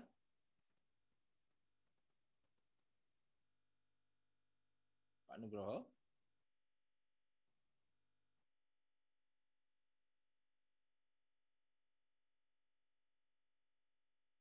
Uh, nggak dengar, belum dengar ya? Pak Nugroho udah masuk tapi masuk ke peserta Mas Jojo. Lah iya kui, uh, nggak bisa ngomong ya? Bisa dibikin ngomong nggak? Aku pakai. Iya, Mas Wayan. Tadi bapaknya kesulitan dari tadi. Oh, jen jen jen. Uh, Mbak Anissa bisa tolong di apa gitu saya nggak tahu maksudnya apa dijadikan apa tapi maksudnya biar masuk bisa ngomong gitu iya mas uh, sedang proses ya mas. Oh saya lagi proses. Oh ya udah. Mungkin Q&A dulu aja mas Jojo. Q&A dulu boleh boleh. Q&A nah, ini sudah masuk mas mas sudah eh, masuk. sudah masuk. Oke siap Halo, siap. Nugroho. tenang tenang saudara-saudara. Uh, Pak Nugroho sudah bisa dengar suara saya Pak Nugroho? Dan sudah bisa bicara juga? Sudah bisa, ya. Alhamdulillah, siap. Sehat ya, Pak? Ya, sehat-sehat. Siap. Nah, ini kalau tadi Pak Nugroho sudah sudah menyimak dari beberapa teman-teman dari eh, induk koperasinya, dari Kementerian Koperasinya, dari praktisi eh, energi terbarukannya, gitu ya. Eh, kan sedikit terlihat ada ada pola bahwa koperasi ini seperti masih masih jadi anak bawang ceritanya eh, apa masih belum belum terlalu eh, tampak. Nah, Pak Nugroho ini kan pelaku lapangan di Jawa Timur gitu. Nah, saya mau minta tanggapan dan pandangan Pak Nugroho eh, di daerah khususnya eh, operasional dari koperasi di Jawa Timur terutama gitu ya. Eh, gimana Pak efektivitasnya dan eh, peman, apa pandangannya terhadap eh, energi terbarukan. Monggo, monggo silakan Pak. Terima kasih. Assalamualaikum warahmatullahi wabarakatuh. Waalaikumsalam. Nah, begini, Mas Jojo nih ya. Iya, Pak. Ya, gini Pak, sebenarnya nah, ini ada beberapa pokok pikiran yang saya sampaikan. Nah, lanjut aja langsung karena 10 menit ya. Bisa dilanjut slide berikutnya. Siapa ini yang megang? Nis? Ya. Jadi begini, saya sebetulnya sudah dua kali ini mengikuti mengikuti pembicaraan dengan rumah energi. Jadi yang pertama di Jawa Timur ini terlepas ada koperasi-koperasi yang sudah bekerja sama, berkolaborasi, memanfaatkan program-program rumah energi. Nah, satu hal yang kami kembangkan sekarang kepada koperasi-koperasi khususnya di Jawa Timur itu mendorong koperasi mengembangkan usaha ekonomis yang berdampak sosial terhadap perubahan iklim. Ini yang kami kembangkan karena eh, kuncinya adalah ketika koperasi harus berperan dia harus mengembangkan usaha ekonomis, usaha sektor real yang usaha itu berdampak sosial terhadap perubahan iklim. Jadi ini yang kami kembangkan usaha ekonomisnya ini. Saya lanjut dulu, nanti kita bisa diskusi. Lanjut. Nah, Nah, kita tahu di Jawa Timur terlepas dari ini 27 koperasi yang sudah bekerja sama karena di Jawa Timur kami juga tahu ada koperasi di Karangploso, ada koperasi yang bergerak di bidang ternak susu dan lain-lain yang juga sudah bekerja sama dengan program-program rumah biogas. Nah, di Jawa Timur kami sekarang memisahkan atau memilah ada koperasi sektor moneter. Ya ini yang kami akan posisikan sebagai penyedia sumber pembiayaan dan pemodalan. Kalau tadi ada koperasi-koperasi COVID, ya memang sepengetahuan kami, apakah kami memang belum koordinasi atau tapi kelihatannya koperasi COVID di Jawa Timur yang berfungsi sebagai penyedia sumber pembiayaan ini kami belum tahu. Atau atau mungkin informasinya kami belum masuk di Dikopinwil ya. Nah, kami me, kami memang me, memilah koperasi sektor moneter yang pada saat ini kami galang adalah koperasi-koperasi simpan pinjam. Memang di luar COVID memang saat ini. Lalu kami juga memilah memetakan koperasi-koperasi sektor real, yaitu yang nantinya dalam rangka kerjasama yang kami bangun ini bisa memanfaatkan biaya-biaya yang disediakan untuk pengembangan usaha sektor real, terutama sektor yang berdampak terhadap perubahan iklim, terhadap pelestarian lingkungan, dan lain-lain. Monggo dilanjut. Nah, yang yang menjadi hal yang kami menjadi konsentrasi program-program kami, ya, karena kami juga ini menangkap sebetulnya pertemuan-pertemuan yang pernah kami ikuti dengan Rumah Energi, yaitu kami melakukan edukasi untuk perubahan perilaku usaha. Jujur saja di Jawa Timur itu masih dominan usaha-usaha di sektor moneter, yaitu usaha-usaha simpan pinjam. Kalaupun ada usaha-usaha sektor real, itu masih usaha-usaha sektor real di luar koperasi-koperasi besar tentunya ya. 100 koperasi, 27 koperasi yang tadi diungkap penyembuhan, yang masih melakukan usaha sektorialnya itu mencukupi kebutuhan keseharian saja, tetapi belum berimbas atau bersinergi atau mengkait dengan usaha-usaha yang berdampak terhadap penciptaan lingkungan yang sehat dan berkualitas. Ini yang kita lakukan edukasinya supaya mengembangkan perilaku usaha. Tentunya di sini untuk pengembangan perilaku usaha nanti akan kami sampaikan di paparan berikutnya kerjasama dengan stakeholder atau lembaga yang kompeten. Yang kedua adalah pendidikan anggota koperasi untuk memahami perlunya pengembangan usaha sektor real koperasi yang berdampak terhadap perubahan lingkungan. Jadi karena kita tahu bahwa anggota itu menjadi penentu ketika koperasi melakukan atau menentukan sebuah usaha bersama, kalaupun tidak ada persetujuan anggota, nah ini tentunya akan menjadi kendala atau menjadi hambatan untuk pengembangan koperasi. Usaha koperasi yang direncanakan yang berdampak pada penciptaan lingkungan yang sehat dan berkualitas. Mungkin dilanjut. Nah, di Kopinbil Jawa Timur ini kami bicara di Kopinbil Jawa Timur ya, atau mungkin ini juga dilakukan oleh di Kopinbil di Kopinbil yang lain di Indonesia ini. Nah, kami ingin mengaplikasikan fungsi di Kopin sebagai fasilitator, edukator, dan avokator gerakan koperasi. Yang pertama, sebagai mitra pemerintah, di Jawa Timur memang kami senantiasa melakukan apa eh, edukasi fasilitasi dengan pemerintah daerah dengan dinas-dinas yang membidangi koperasi agar menerbitkan regulasi-regulasi atau kebijakan-kebijakan yang memberikan perlindungan dan kesempatan bagi pengembangan usaha yang dilakukan oleh koperasi khususnya yang mengarah kepada usaha-usaha yang berdampak terhadap pelestarian lingkungan tadi. Nah, yang kedua, kami memang melakukan upaya untuk mempertemukan lembaga-lembaga yang berkompeten seperti Rumah Energi ini atau lembaga-lembaga lain yang ada di Jawa Timur dengan koperasi-koperasi untuk saling bertukar pikiran untuk memberikan masukan bagi perencanaan pengembangan usaha koperasi yang berdampak terhadap perubahan iklim. Ini dalam rangka berbagi peran tentunya. Nah, yang ketiga yaitu kami selalu mengupayakan terjalannya kerjasama dan kebersamaan antar koperasi sebagai pelaku utama kegiatan usaha antara antar koperasi atau antara koperasi dengan lembaga yang berkompeten dalam upaya perubahan lingkungan. Ini yang pada saat ini di Kopinbil berkonsentrasi ke sini. Beberapa hari yang lalu kami juga mengumpulkan 10 koperasi besar untuk bekerja sama, saling mengisi. Di satu sisi koperasi besar yang di sektor moneter itu bisa berkolaborasi, bisa bersinergi, bisa bekerja sama dengan koperasi-koperasi sektor real. Nah, ini yang sudah kami lakukan. Lanjut. Nah, faktor kunci yang kami lihat di Jawa Timur ini memang eh, yang pertama itu perwujudan kerjasama dan kebersamaan di bidang permodalan dan pemasaran antar koperasi, sektor moneter dan koperasi sektor real ini merupakan faktor kunci.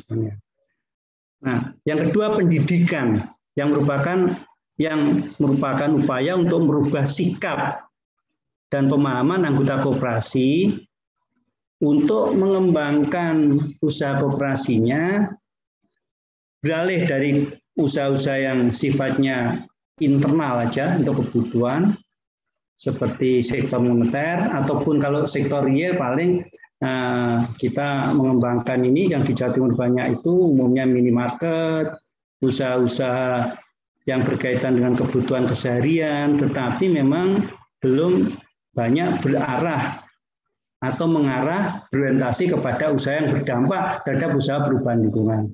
Ini jujur aja ini terjadi di Jawa Timur memang.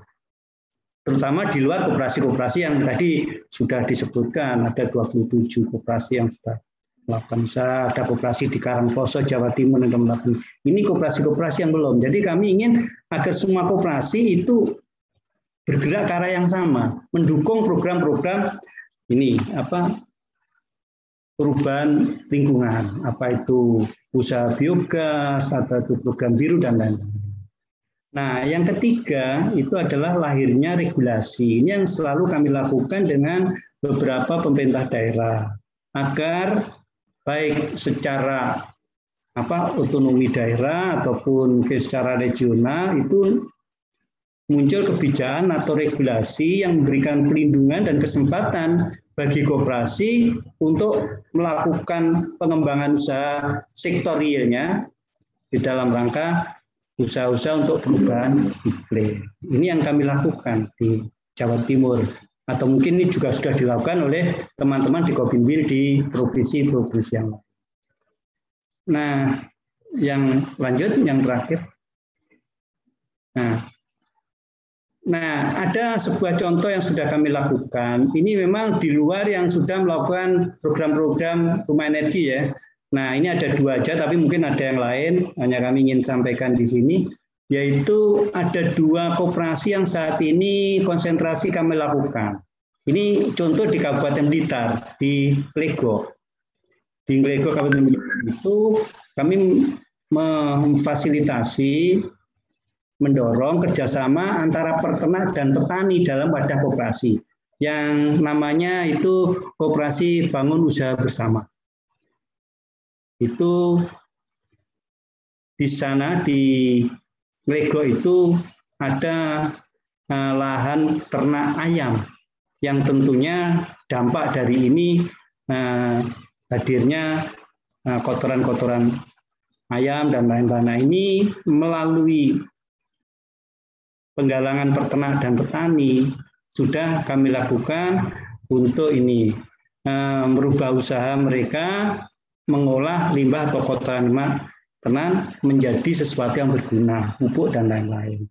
Memang kami belum arahkan untuk pupuk ini mungkin menjadi bisa menjadi bahan baku apa bahan baku untuk biogas dan lain-lain. Tapi ke depan ke sana yang kami akan lakukan. Ini dari mulai. Lalu ada pengembangan budidaya tanaman durian. Ini dilakukan oleh teman-teman koperasi durian di Serengat. Jadi mereka sepakat setiap anggota itu menanam di rumahnya masing-masing pohon durian. Nah, sasarannya memang pohon durian ini selain untuk reboisasi, untuk membuat penghijauan, juga terciptanya sumber air di kami. Nah, dua hal ini contoh aja dari contoh-contoh yang lain yang kami siapkan sebetulnya di dalam rangka mendukung program penciptaan lingkungan yang sehat. Mungkin ini yang kami sampaikan karena waktunya terbatas supaya supaya kita bisa efisien di dalam diskusi nanti. Ini beberapa hal pokok pikiran yang kami lakukan di Dikopin Jawa Timur dan saat ini memang kami akan terus berkoordinasikan dengan para para apa bidang-bidang yang ada pimpinan Dikopin Jawa Timur untuk mengarahkan usaha-usaha yang sudah ada tadi bermuara kepada usaha-usaha sektor real baik dalam rangka penyediaan sumber pembiayaannya oleh koperasi-koperasi sektor moneter maupun penggunaan biaya itu untuk usaha-usaha sektor real yang mengarah kepada pelestarian lingkungan. Mungkin Mas Jojo ini yang dapat kami sampaikan sedikit, tapi mungkin kita bisa diskusikan panjang nanti. Terima kasih. Assalamualaikum warahmatullahi wabarakatuh. Waalaikumsalam warahmatullahi wabarakatuh. Makasih banyak Pak Nugroho. Eh, menarik sekali ada contoh kasusnya tadi ya dua terakhir eh, ternak ayam uh, tapi walaupun memang belum maksimal ya pak ya belum belum belum belum memang ya belum. tapi paling enggak kita arahnya ke sana dan dan uh, apa namanya uh, ini ini jadi contoh-contoh positif semoga bisa bisa tambah berkembang nantinya nah teman-teman uh, saya juga tadi dikabari panitia ada Eh, sebelum teman-teman bertanya, panitia juga ingin bertanya ke teman-teman, seperti polling gitu ya. Uh, tapi saya nggak tahu apakah sudah di-share di chat atau belum.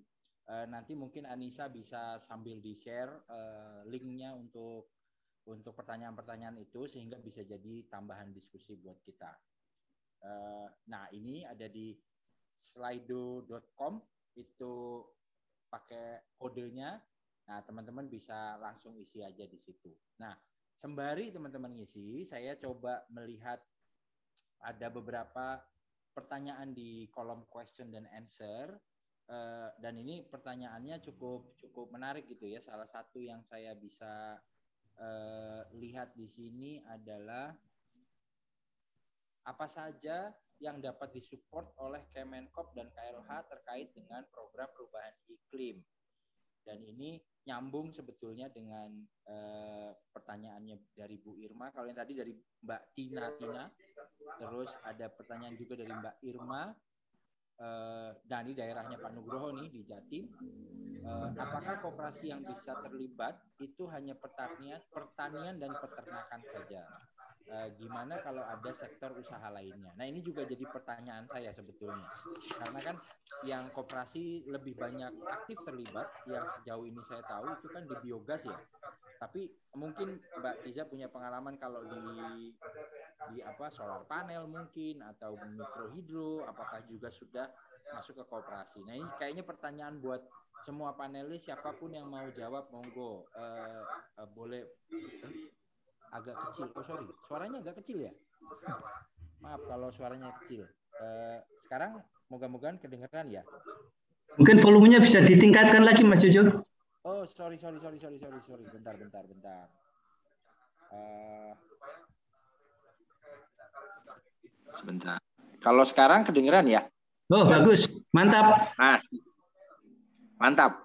Oke, okay, sorry. Uh, tadi saya buka pertanyaan. Nah, ini pertanyaannya ini uh, dari Mbak Tina Tina nyambung ke Mbak Irma apa aja yang disupport oleh Kemenkop dan KLH terkait dengan program perubahan iklim. Kemudian kalau dari Mbak Irma nyambung, saya pikir ini eh, apa namanya sangat terkait gitu ya. Eh, nah ini dari dari daerahnya Pak Nugroho nih Jatim itu eh, yang ber, yang bisa berpartisipasi itu dari koperasi sektor apa aja? Apakah hanya pertanian dan peternakan?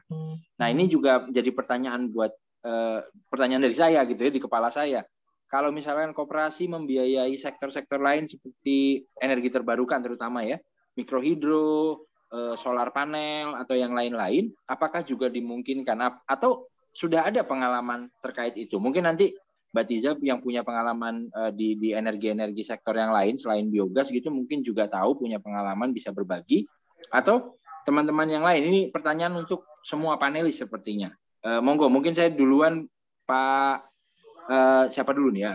Uh, urut yang tadi aja ya, urut yang tadi aja. Monggo Pak Stefanus dulu deh. Ada tanggapan nggak Pak Stefanus?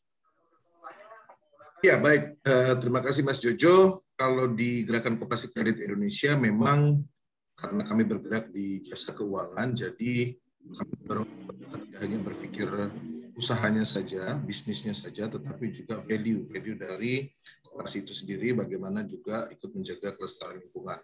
Namun memang untuk menggugah kesadaran itu tidak semudah yang kami bayangkan, jujur saja. Hmm tahun 95 itu saya boleh dikatakan lebih banyak gagalnya daripada berhasilnya.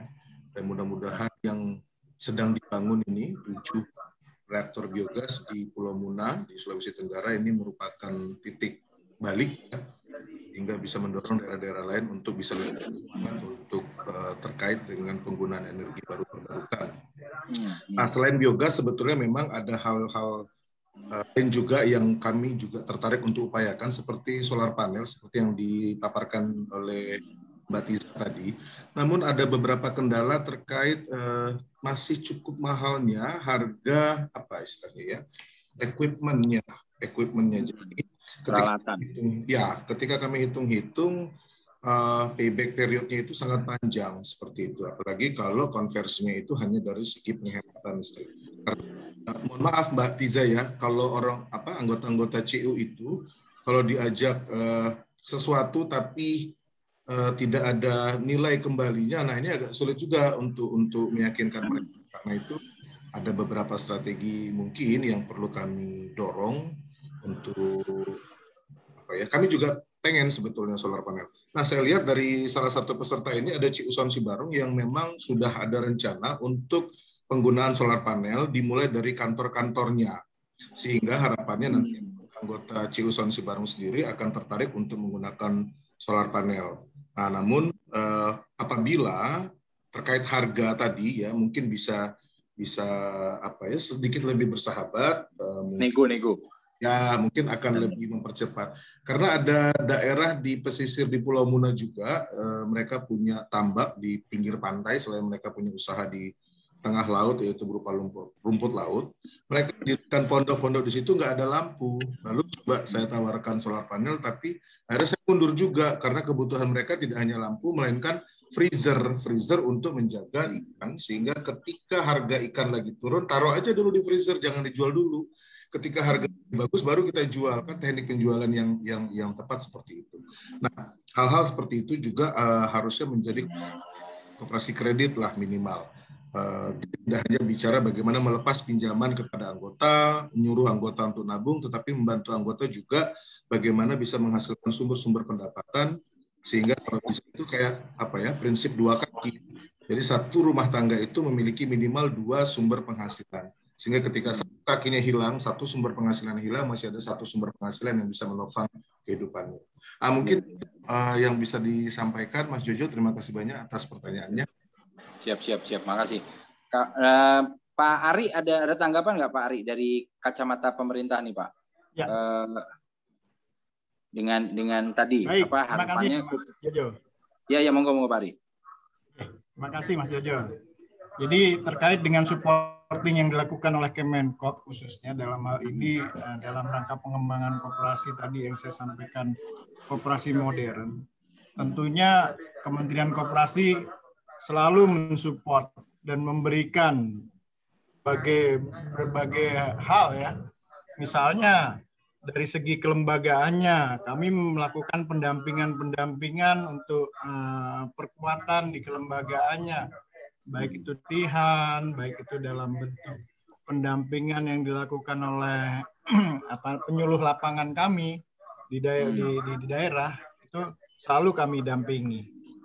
Eh, ataupun dalam hal uh, kooperasi membutuhkan pembiayaan juga kami lakukan pendampingan yang tadi saya sampaikan kita hubungkan kepada uh, pembiayaan-pembiayaan yang ada baik dari Kementerian Kooperasi LPDB maupun dari pembiayaan uh, perbankan dan lain sebagainya. Tadi juga disampaikan juga oleh Pak Nugroho dalam rangka pengembangan kooperasi di sektor keuangan dan kolaborasi dengan sektor real itu uh, sangat dimungkinkan gitu uh, dari segi ya, koperasi ya. yang bergerak di sektor keuangannya membantu koperasi di sektor real itu dan ya, ya. ini juga terkait dengan pengembangan koperasi modern kami juga uh, tidak membatasi di sektor-sektornya antara lain nih di 2021 ya kami uh, mengembangkan di sektor kooperatisasi pangan, operasi pariwisata, operasi simpan pinjam, operasi milenial,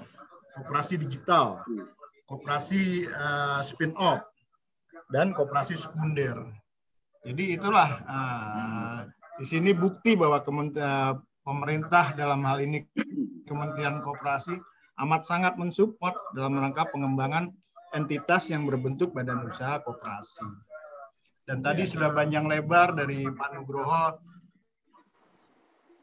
menyampaikan bahwa Perkembangan Timur dan sudah beberapa koperasi yang melakukan uh, apa namanya usaha di uh, bidang energi terbarukan itu sudah menjadi bukti bahwa uh, pemerintah baik pusat maupun daerah, daerah sangat mensupport dan mendukung dalam rangka pengembangan koperasi.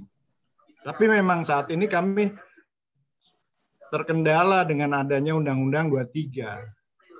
Di situ di mana uh, dibatasi koperasi berdasarkan uh, wilayah anggotanya. Di mana hmm. kalau koperasi yang anggotanya lintas provinsi, itu kewenangannya berada di pusat, di kami, di Kementerian Koperasi. Sedangkan koperasi yang wilayah anggotanya berada di uh, kabupaten kota itu menjadi kewenangan dinas koperasi yang ada di provinsi. Dan sementara koperasi yang anggotanya berada di wilayah kabupaten maupun kota itu menjadi kewenangan dinas koperasi kabupaten maupun kota. Tapi tetap secara koordinasi dan uh, apa namanya dalam hal melakukan pembinaan kami tetap melakukan koordinasi gitu baik ke dinas provinsi maupun ke dinas kabupaten kota. Jadi uh, amat sangat banyak lah apa yang Kementerian Koperasi maupun Dinas Koperasi melakukan uh, supporting terhadap pengembangan koperasi, terutama uh, yang sedang dikembangkan oleh teman-teman uh, apa namanya nih dari YRE ini.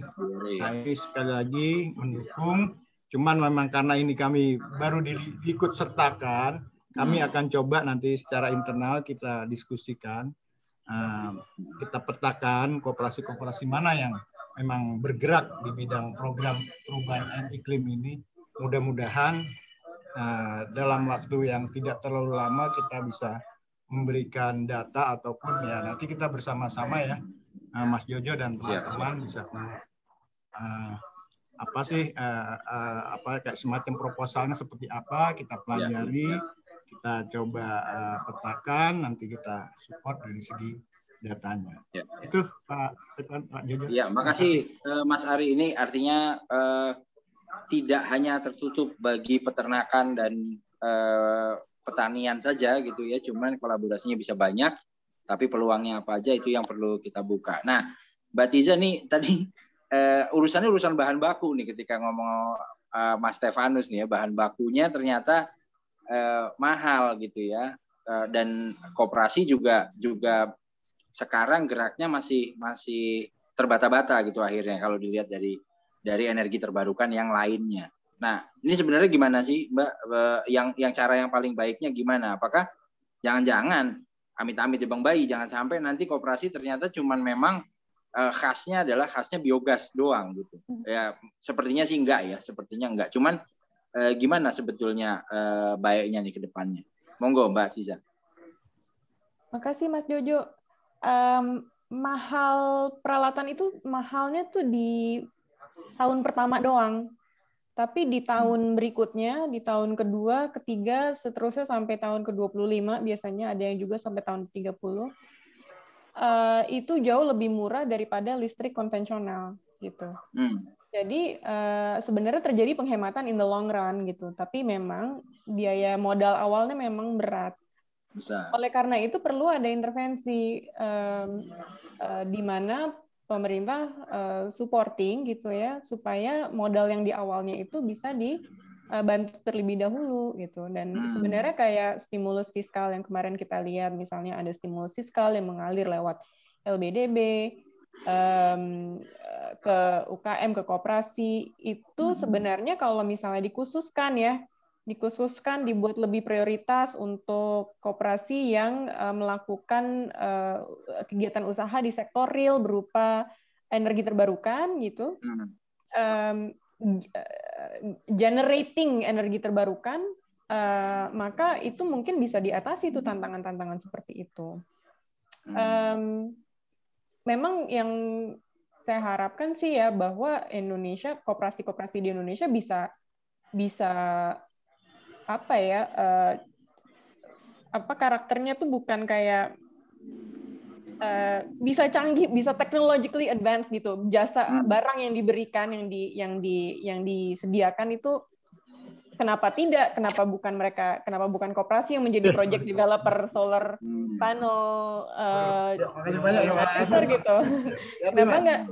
Uh, itu terjadi di di di Jerman uh, bahwa ketika beberapa tahun yang lalu Jerman itu belum punya banyak energi terbarukan, kemudian mereka mau shifting ke energi terbarukan, yang mereka uh, prioritaskan bukan project developer um, korporat yang skala besar, justru yang mereka prioritaskan itu adalah um, gimana caranya bangun wind turbines sebanyak mungkin secara terdesentralisasi dan dimiliki oleh masyarakat melalui um, ya skema skema mirip koperasi gitu. Sehingga masyarakat punya skin in the game punya apa uh, punya keinginan untuk uh, menjaga uh, apa uh, sumber energi tersebut dan memeliharanya dengan baik. Um, sebenarnya Indonesia juga punya punya potensi seperti itu menurut saya. Kalau hmm. didukung dengan baik. Ya ya Artinya kalau kita ngelihat di sektor energi, eh, saya nggak mau bilang bersih lah kalau biogas, eh biogas, biodiesel masih perdebatan ya. Tapi di sektor terbarukan, biodiesel eh, bisa ya. Artinya ada insentif awal, walaupun eh, harga harga biodiesel sebetulnya lebih tinggi daripada eh, apa namanya minyak solar, tapi disuntik subsidi sehingga dia bisa sama gitu dengan minyak solar sehingga bisa dibeli sama masyarakat.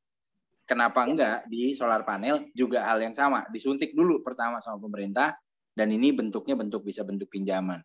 Ini ini satu ide yang mungkin nanti kita bisa bisa gulirkan lebih besar lagi itu di kantornya Pak Ari ya terutama eh, Kementerian Koperasi eh, untuk melihat sektor-sektor keuangan dan gimana mekanisme yang bisa karena Indonesia sudah pernah dan kita bisa belajar dari pengalaman itu. Nah, Pak Nugroho kalau kalau di daerah gimana Pak? Kalau tadi kan pengalaman Bapak tuh eh, sektornya peternakan dan pertanian Pak. Dan ini pertanyaan juga dari Jatim nih Pak. Iya. Gimana gimana Pak? Baik, begini. Jadi kami ingin sampaikan kami ini ingin realistis saja lah. Jadi eh, data yang ada pada kami, walaupun ini terus ingin kami update ya data itu, bahwa di dalam rangka khususnya usaha pengembangan usaha sektor real di lingkungan koperasi yang berdampak kepada pelestarian lingkungan itu fakta yang ada di Jawa Timur. Yang pertama itu bahwa khususnya di daerah Blitar dan sekitarnya di sana itu banyak potensi sebagai sumber atau apa ya bahan baku dari biogas. Jadi memang kami mungkin banyak banyak usaha ya, tapi kami berdasarkan potensi yang ada pada kami ini sebetulnya biogas itu menjadi program di Kopinwil untuk didorongkan atau difasilitasikan kepada teman-teman gerakan kooperasi karena potensi yang ada di daerah begitu khususnya di daerah Blitar dan sekitarnya itu di sana banyak peternak. Nah, peternak ini dengan usaha peternakannya ini sebuah dampak konsekuensi logisnya kan akan adanya limbah kotoran. Nah, kalau hanya melihat datanya memang di Blitar dan sekitarnya itu ribuan itu. Dan satu, walaupun kami tidak punya data yang pasti, tapi uh, limbah setiap harinya itu jumlahnya cukup besar. Kalau itu tidak dikelola, itu akan berdampak pada lingkungan jelas. Nah, ketika itu dikelola, memang uh, setelah kami susun juga program-program dengan teman-teman pimpinan di Kopinwil daerah itu arahnya memang yang paling rasional hari ini ya mungkin bisa dikembangkan yang lain tapi hari ini adalah ini usaha untuk biogas karena selain biogas ini selain bisa apa mencegah kerusakan lingkungan karena ada kotoran yang lain-lainnya, tapi juga bisa menjadi sumber daya listrik yang dibutuhkan masyarakat. Ini jadi kenapa biogas yang kami sampaikan. Kalau tadi ada apa panel dan lain-lain, memang itu bagus, tapi belum menjadi program di di Kopin Jawa Timur.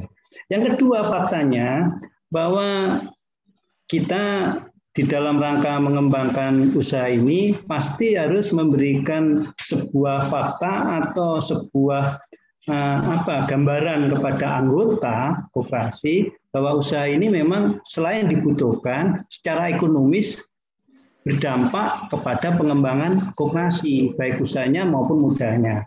Satu fakta yang kami ingin sampaikan bahwa di Jawa Timur memang pendekatannya kasuistis ya ini itu ada beberapa koperasi besar yang dananya idle, tidak terpakai, khususnya kooperasi-kooperasi yang bergerak di simpan pinjam itu di kalangan kooperasi-kooperasi pegawai misalnya, itu banyak dananya idle.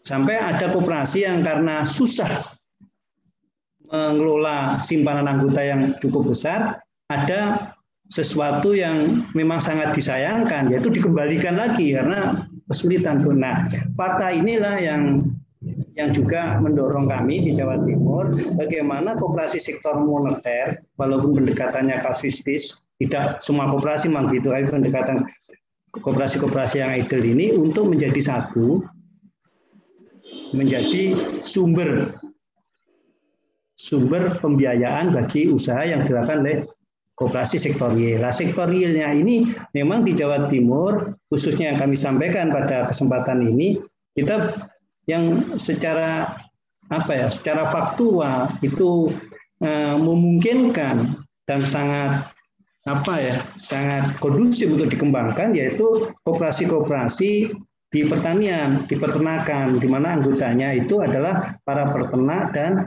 para petani yang jumlahnya Nah, populasinya cukup besar, tetapi mereka ketika mengembangkan itu kesulitan dalam pendanaan pendanaan. Inilah yang kami ingin satukan.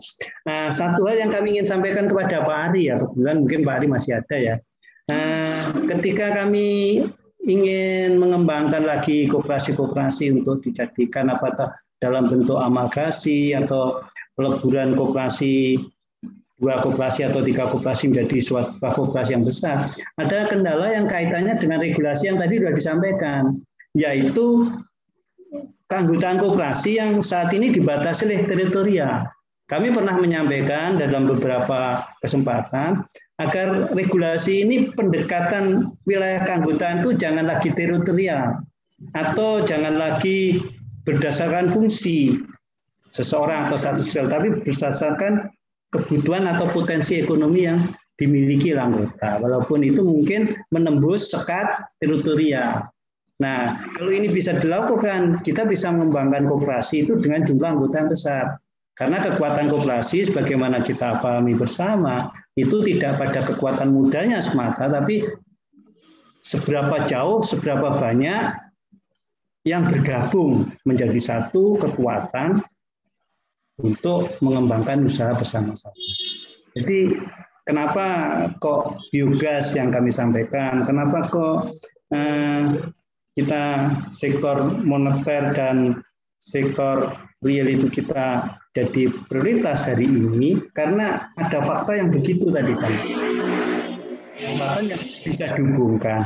Nah berkaitan dengan ini juga selain regulasi kami juga ini dukungan-dukungan uh, pembiayaan dari pemerintah.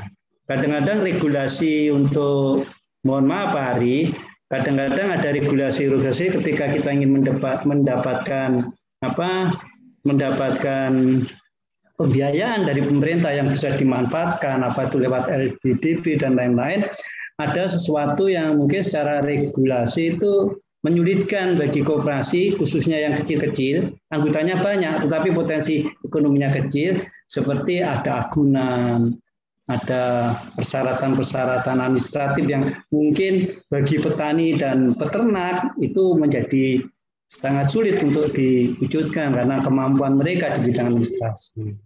Mungkin ini aja jawaban kami sementara terhadap tadi yang pertanyaan-pertanyaan. Terima kasih. Mungkin nanti bisa Terima kasih banyak Pak Nugroho.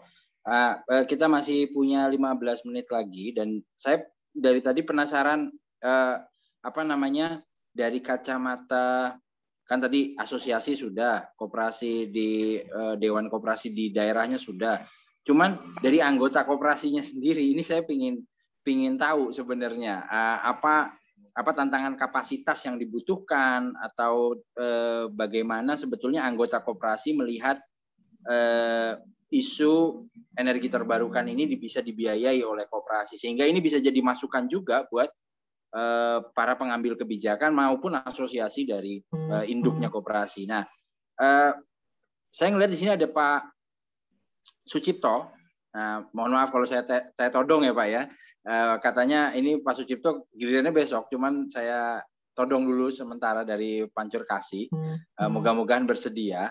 Kalau Pak Sucipto boleh sharing gitu uh, sebagai praktisi koperasinya langsung, uh, apa sih Pak yang Bapak lihat uh, dalam konteks uh, pembiayaan untuk uh, perubah, bukan perubahan iklim, energi terbarukan ini uh, yang uh, dilihat sangat penting untuk anggota-anggota koperasi Bapak gitu. Kira-kira apa yang diperlukan? Apakah pengelolaan keuangannya atau keragaman dari modal usaha model usahanya atau tantangan apa dan dan bagaimana kemudian yang perlu dijawab gitu. Karena mumpung kita lagi ngumpul semua di sini Pak, siapa tahu ada pembelajaran yang bisa kita ambil. Monggo Pak Cipto. Ya, baik, terima kasih. Uh, pengalaman kami di Jauh Panjur Kasih tentang isu perubahan iklim ini adalah uh, memang sejak awal, sejak awal dari Jauh berdiri, Jauh Panjur Kasih berdiri, kita memang sudah berkomitmen bahwa pinjaman kepada anggota tidak diberikan untuk usaha-usaha yang berdampak pada kerusakan lingkungan. Kita tahu Kalimantan itu adalah hutan, usaha yang paling cepat mendatangkan keuntungan bagi uh, masyarakat adalah penebangan kayu, penebangan kayu dan pertambangan, pertambangan tradisional. Sejak CU berdiri, kita berkomitmen untuk usaha-usaha yang seperti itu kita tidak memberikan pinjaman kepada mereka dan komitmen itu terus kita jaga sampai sekarang. Jadi CU tidak terlibat dalam pembiayaan untuk usaha-usaha penebangan kayu, usaha-usaha uh, pertambangan tradisional yang pada dasarnya itu merusak uh, kelestarian alam. Yang dilakukan oleh CU adalah bagaimana masyarakat itu terorganisir dalam kelompok-kelompok yang kemudian kami sebut sebagai kelompok inti. Lalu mereka mengusahakan usaha-usaha pertanian yang ramah lingkungan, yang memperhatikan keberlangsungan, yang memperhatikan kelestarian. Sehingga dengan demikian uh, CU Pancur Kasih dalam hal ini secara tidak langsung telah berpartisipasi dalam uh, ikut menjaga uh, kelestarian alam, kelestarian lingkungan dari pengaruh-pengaruh apa global saat ini. Saya kira itu yang sejauh ini yang sudah kami lakukan. Terima kasih. Oke, artinya eh, tidak apa ada semacam aturan yang mungkin tertulis dan tidak tertulis gitu ya, tidak membiayai kegiatan-kegiatan yang punya dampak terhadap lingkungan hidup gitu. Ter, tertulis pak. Tertulis ya, tertulis, tertulis. untuk tidak bahkan, tidak Ya. Bahkan kalau misalnya kita sudah anggota sudah ini sudah konsultasi dalam konsultasi dia mengatakan akan membuka usaha apa misalnya. Hmm. Tetapi ada ya ada ada petugas lain yang kita suruh untuk memantau verifikasi gitu ya. Usaha itu akan dia buat. Apabila ternyata usaha yang ke, dia dia sampaikan dengan kita itu yang lain tetapi ternyata untuk hal-hal yang merusak lingkungan itu pinjamannya walaupun sudah disetujui bisa dibatalkan dan itu sering terjadi dan itu, Dan itu berpotensi anggota itu keluar, Pak. Marah keluar. Bagi kami oh, tidak masalah. Yang iya, penting iya, iya. komitmen tetap dijaga dalam hal ini. Pakai ada pembinaan nggak Pak? Iya, Eh, misalkan pembinaan. ada ada seperti itu pakai ada pembinaan Ada. eh, untuk untuk misalnya anggota itu mungkin mungkin dia nggak tahu mungkin atau apa supaya dia lebih berkelanjutan gitu ada juga ya Pak? Ada. Ada ya. Oke. Kegiatan pendidikan eh, di CU kan ada empat pilar, ya. Pendidikan, swadaya, solidaritas, dan inovasi. Oke. Kegiatan pendidikan anggota ini berkelanjutan. Sebelum mereka jadi anggota, mereka sudah dapat pendidikan dulu. Setelah jadi anggota, dapat pendidikan lagi. Seterusnya ada seminar-seminar yang mereka kita libatkan untuk membuka wawasan mereka tentang CU dan bagaimana kegiatan-kegiatan yang dapat menjaga kelestarian dan kehidupan bersama dengan baik. Ya, ya. Ini pengalaman dari CU menarik ya, artinya sudah punya NDPE, non deforestation and peat extraction gitu. Eh, kalau bahasa eh, perusahaan-perusahaan besarnya kan NDPE commitment, gitu. komitmen untuk tidak merusak dari setiap kegiatan yang dia lakukan. Bahkan koperasi saja sudah sudah melakukan itu. Nah, eh, tapi eh, apa namanya? putaran putaran eh, isunya ini tadi polling sudah sudah masuk gitu ternyata alhamdulillah semua kita di sini percaya terhadap perubahan iklim. Walaupun di luar sana mungkin masih ada yang belum percaya ya. Tapi kita 100% percaya terhadap perubahan iklim dan dampaknya kita rasakan nyata. Cuman pertanyaan yang paling krusialnya adalah apakah menurut Anda pembiayaan iklim yang selama ini ada itu mampu menjawab krisis iklim? Jawabannya masih banyak yang belum. Artinya masih belum mampu nih kita. Padahal kalau ngelihat uang yang terkucur untuk perubahan iklim dari donor, dari pinjaman, dari macam-macam semua segala macam Mbak, Mbak Tiza tahu banget lah ya kucuran uang dolarnya tuh sebetulnya banyak sekali. Dari Norway aja kemarin nggak bisa habis gitu ya eh, tujuh turunan kayaknya nggak bisa habis.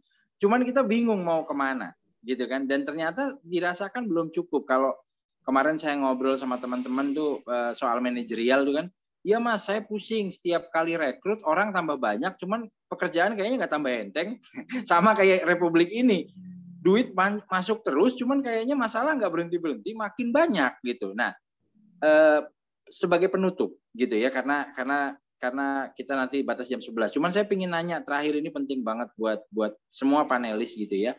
Eh, kenapa kenapa ini dianggap belum cukup dan gimana sebetulnya supaya kita bisa memaksimalkan eh, pendanaan yang masuk dan pendanaan yang tersedia?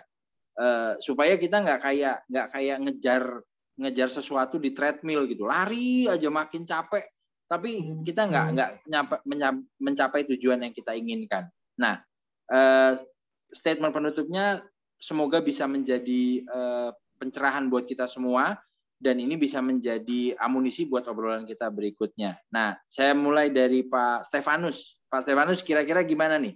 Kok nggak cukup dan gimana caranya supaya kita bisa cukup dan efektif efisien? Silakan Pak Stefanus.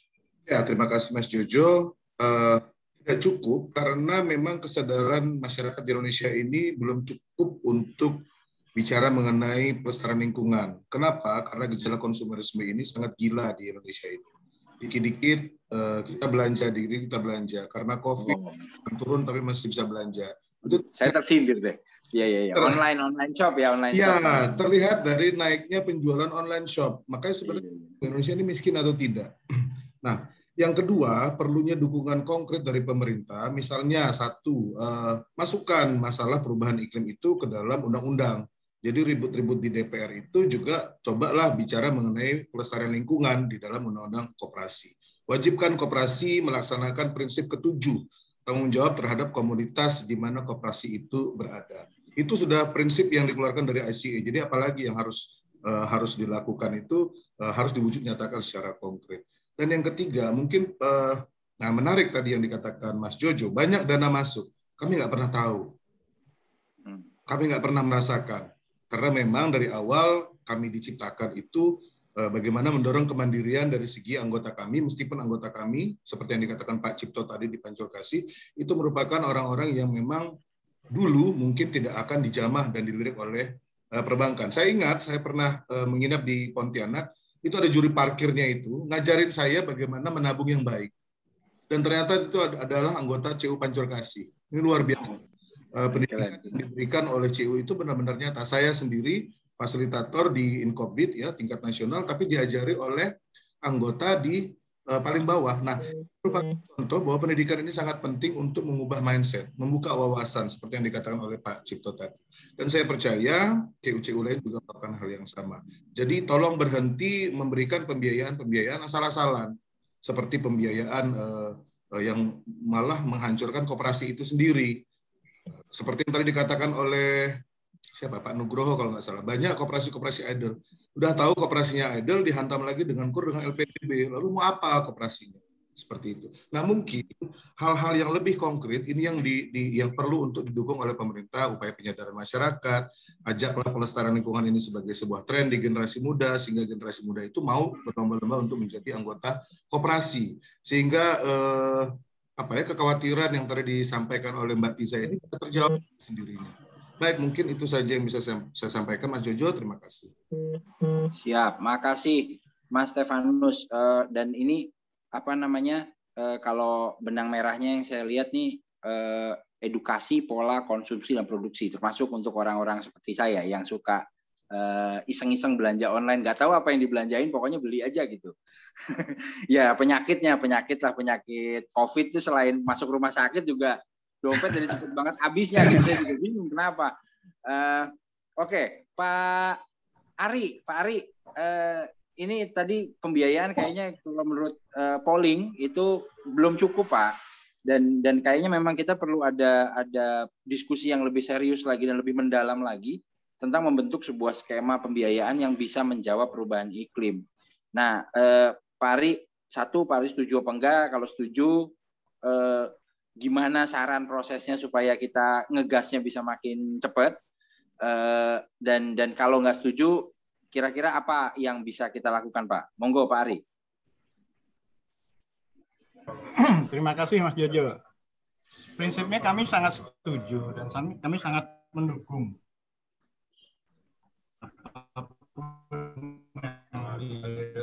gagas oleh teman-teman dari uh, tadi. Cuman saya mau menambahkan saja apa yang tadi disampaikan oleh uh, teman kita dari Pak Stefanus tadi ya.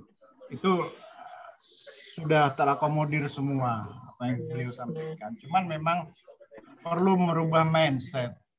Bahwasanya pemerintah juga saat ini tidak lagi khususnya di bidang perkoperasian tidak ada lagi kami dari pemerintah khusus dari Kementerian Koperasi memberikan bantuan cuma-cuma atau dalam rangka mendorong uh, berkurang sebagainya.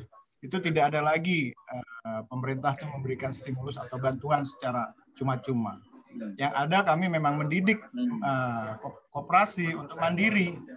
Jadi dari baik dari segi kelembagaannya maupun dari segi usahanya ya karena koperasi ini juga sama dengan perusahaan-perusahaan lainnya.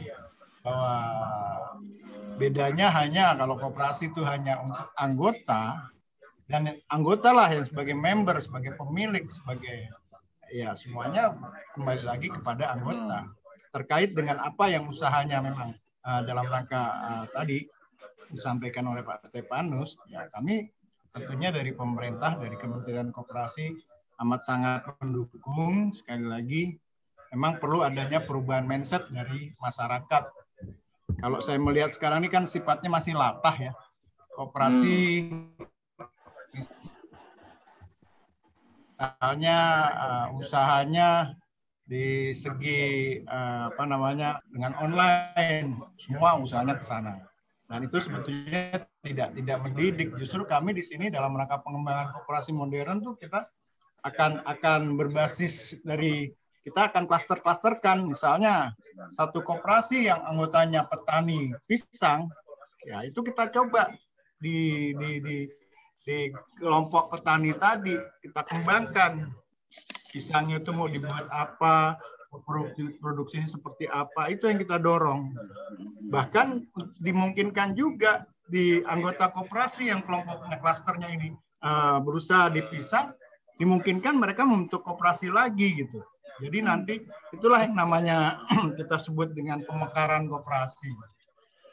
Jadi sekali lagi memang kita perlu uh, mendorong mungkin dari segi pelatihan-pelatihan ataupun edukasi yang lainnya sangat sepakat.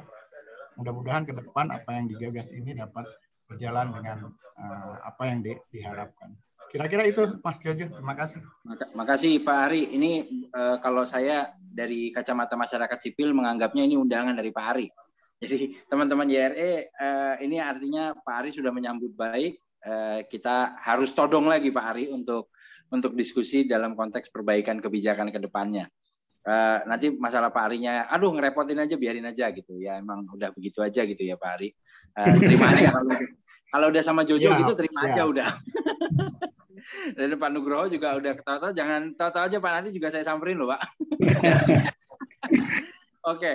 uh, apa namanya statement penutup dari Mbak Tiza? Gimana nih Mbak Tiza? Uh, apa namanya uh, guliran diskusinya udah udah oke. Okay. Kita kita tadi bicara soal bagaimana memberikan suntikan, uh, mungkin bukan ke kooperasinya ya, tapi ke mungkin ke keanggotanya dan hmm. mungkin ke industri yang lebih besarnya. Kalau dalam konteks solar panel itu kan setahu saya yang mahal itu kan apa bukan PVC ya, apa fotovoltaiknya itulah ya yang mahal di awal gitu ya. Dan ternyata ini ini bisa di, dijembatani sama sama teman-teman di di di uh, kementerian dan mungkin nanti bisa kita gulirkan lebih jauh. Dan ternyata Mbak uh, dari polling yang tadi itu semua banyak yang tertarik untuk investasi. Kalau misalnya pemerintah mendorong kebijakan untuk pemudahan pembiayaan, solar panel paling gede ternyata. Itu karena kita mungkin sadar kita negara panas ya, jadi eh, ternyata itu sangat menarik gitu ya. Nah, eh, gimana Mbak Tiza melihatnya untuk kita memaksimalkan sektor pembiayaan ini? Monggo Mbak. Ya, memang kalau dilihat dari apa ya preferensi persepsi masyarakat memang semangat sih Mas mendukung Uh, dan tadi juga ya udah dikatakan bahwa uh, ada komitmen untuk tidak lagi membiayai eh, hal-hal uh, yang tidak hijau gitu ya. Uh, tidak lagi mendukung hal-hal yang tidak hijau bahwa koperasi akan didorong ke sektor hijau semuanya itu bagus sekali dan saya juga banyak belajar dari uh, forum hari ini. Um, kalau kita lihat tren di sektor keuangan pun seperti itu Mas Jojo. Jadi Hmm. Rasanya tuh setiap hari tuh ada aja pengumuman bank ini tidak lagi mau membiayai uh, apa hmm. pembangunan uh, batu bara, PLTU batu bara. Kemudian yeah. kita kemarin ada Korea, ada Cina, Jepang juga mengumumkan uh, nggak mau lagi memberikan kredit ekspor untuk um, uh, pembangunan uh, PLTU batu bara gitu. Hmm. Uh, investor-investor yang besar BlackRock Investment nggak mau lagi ngasih financing buat fossil fuel. Jadi ada sebuah tren yang cukup jelas terlihat bahwa sektor finance pun udah bergerak menuju ke tidak ada sektor hijau yang eh, sektor kotor yang dibiayai semua sektor hijau. Bagaimana dengan pemerintah Indonesia gitu? Apakah pemerintah Indonesia menangkap tren tersebut? Kalau dilihat sekarang dan menurut teman-teman berdasarkan polling tadi belum kan? Karena kan masih ada subsidi untuk masih mending tadi Mas Jojo bilangnya kontroversial subsidi biodiesel. Itu masih hmm. mending kontroversial. Ada yang jelas-jelas udah kotor masih disubsidi juga disubsidi gitu juga. Okay. Uh, yeah, um, diesel masih disubsidi loh. Jadi yeah, yeah. Um, kenapa masih ada uh, aliran dana ke hal-hal seperti itu? Kenapa fiskal stimulus juga sebagian besar masih mengalir ke sektor kotor? Itu kan memberi sinyal yang membingungkan kan? Hmm. Ada investor. Kalau investornya semuanya udah bergerak ke hijau, ngelihat Indonesia ngasih sinyalnya nggak konsisten gitu, kan jadi lebih susah kan bagi Indonesia untuk menarik investor-investor tersebut. Jadi dari segi kebijakan pemerintah juga harus lebih agresif, lebih konsisten, uh, mendukung uh, uh, apa uh, sektor hijau dan memberikan insentif-insentif um, uh, di uh, sektor hijau gitu. Iya iya iya. Ya. Ini saya saya mendengar suara frustasi dari Mbak Tiza sebagai seorang aktivis gitu ya. Uh, apa namanya masih masih membiayai apa usaha-usaha kotor terutama energi-energi kotor. Cuman yang menarik dari kooperasi ini adalah apa kedaulatan anggota gitu. Jadi yang saya senang dari kooperasi itu dan dan kita bangga ya di Indonesia kooperasi ini menjadi hmm. ya seperti backgroundnya Pak Nugroho ini kan itu kan salah satu salah satu landasan negara kita gitu ya pohon beringin bukan partainya tapi eh, artinya gitu ya eh, ini sangat penting karena eh, kita tidak tergantung pada eh, sumber yang lain cuman kita bisa mengelola sendiri uang kita dan dari anggota-anggota dan kemudian uh, kita sebetulnya bisa menentukan we can we can define our future gitu. Kalau we want to be sustainable sebenarnya lewat kooperasi. Kalau bahasanya uh, uh, Gus Dur gitu guru saya nggak patean yang lain, nggak nggak penting lah yang lain nih. Kita karena kita punya kekuatan sendiri gitu. Nah ini kan sangat membanggakan gitu dan dan uh, optimis semoga pesimisme pesimisme ngelihat yang lain dibiayain mungkin kalau dari kacamata saya kalau pemerintah masih tetap mau ngebiayain yang kotor-kotor, tapi yang bersih-bersih dibiayain sama koperasi, mungkin nanti lama-lama ngiri juga gitu ya. Oh, ternyata maju juga nih gitu. Nggak ada lagi yang mau pakai batu bara saya. Moga-mogahan kayak gitu. Cuman eh, kita kita masih perjuangan masih panjang. Nah, eh, Pak Nugroho gimana Pak Nugroho? Nih eh, semoga ini diskusinya bisa menyemangati Pak Nugroho untuk cos lagi gitu ya. Baru peternakan baru apa namanya eh, ayam dan yang lain-lain. Mungkin habis dari diskusi ini siapa tahu gitu saya dapat WhatsApp, Mas nih kita diskusi yuk di Surabaya nih mantep nih gitu ngomongin soal solar panel ini Surabaya panasnya minta ampun kan. Jadi siapa tahu eh, ke depannya bisa lebih jos lagi. Gimana Pak Nugroho? Eh, satu hal yang saya ingin sampaikan bahwa sebetulnya kalau bicara pembiayaan, koperasi itu potensi. Potensi koperasi itu besar.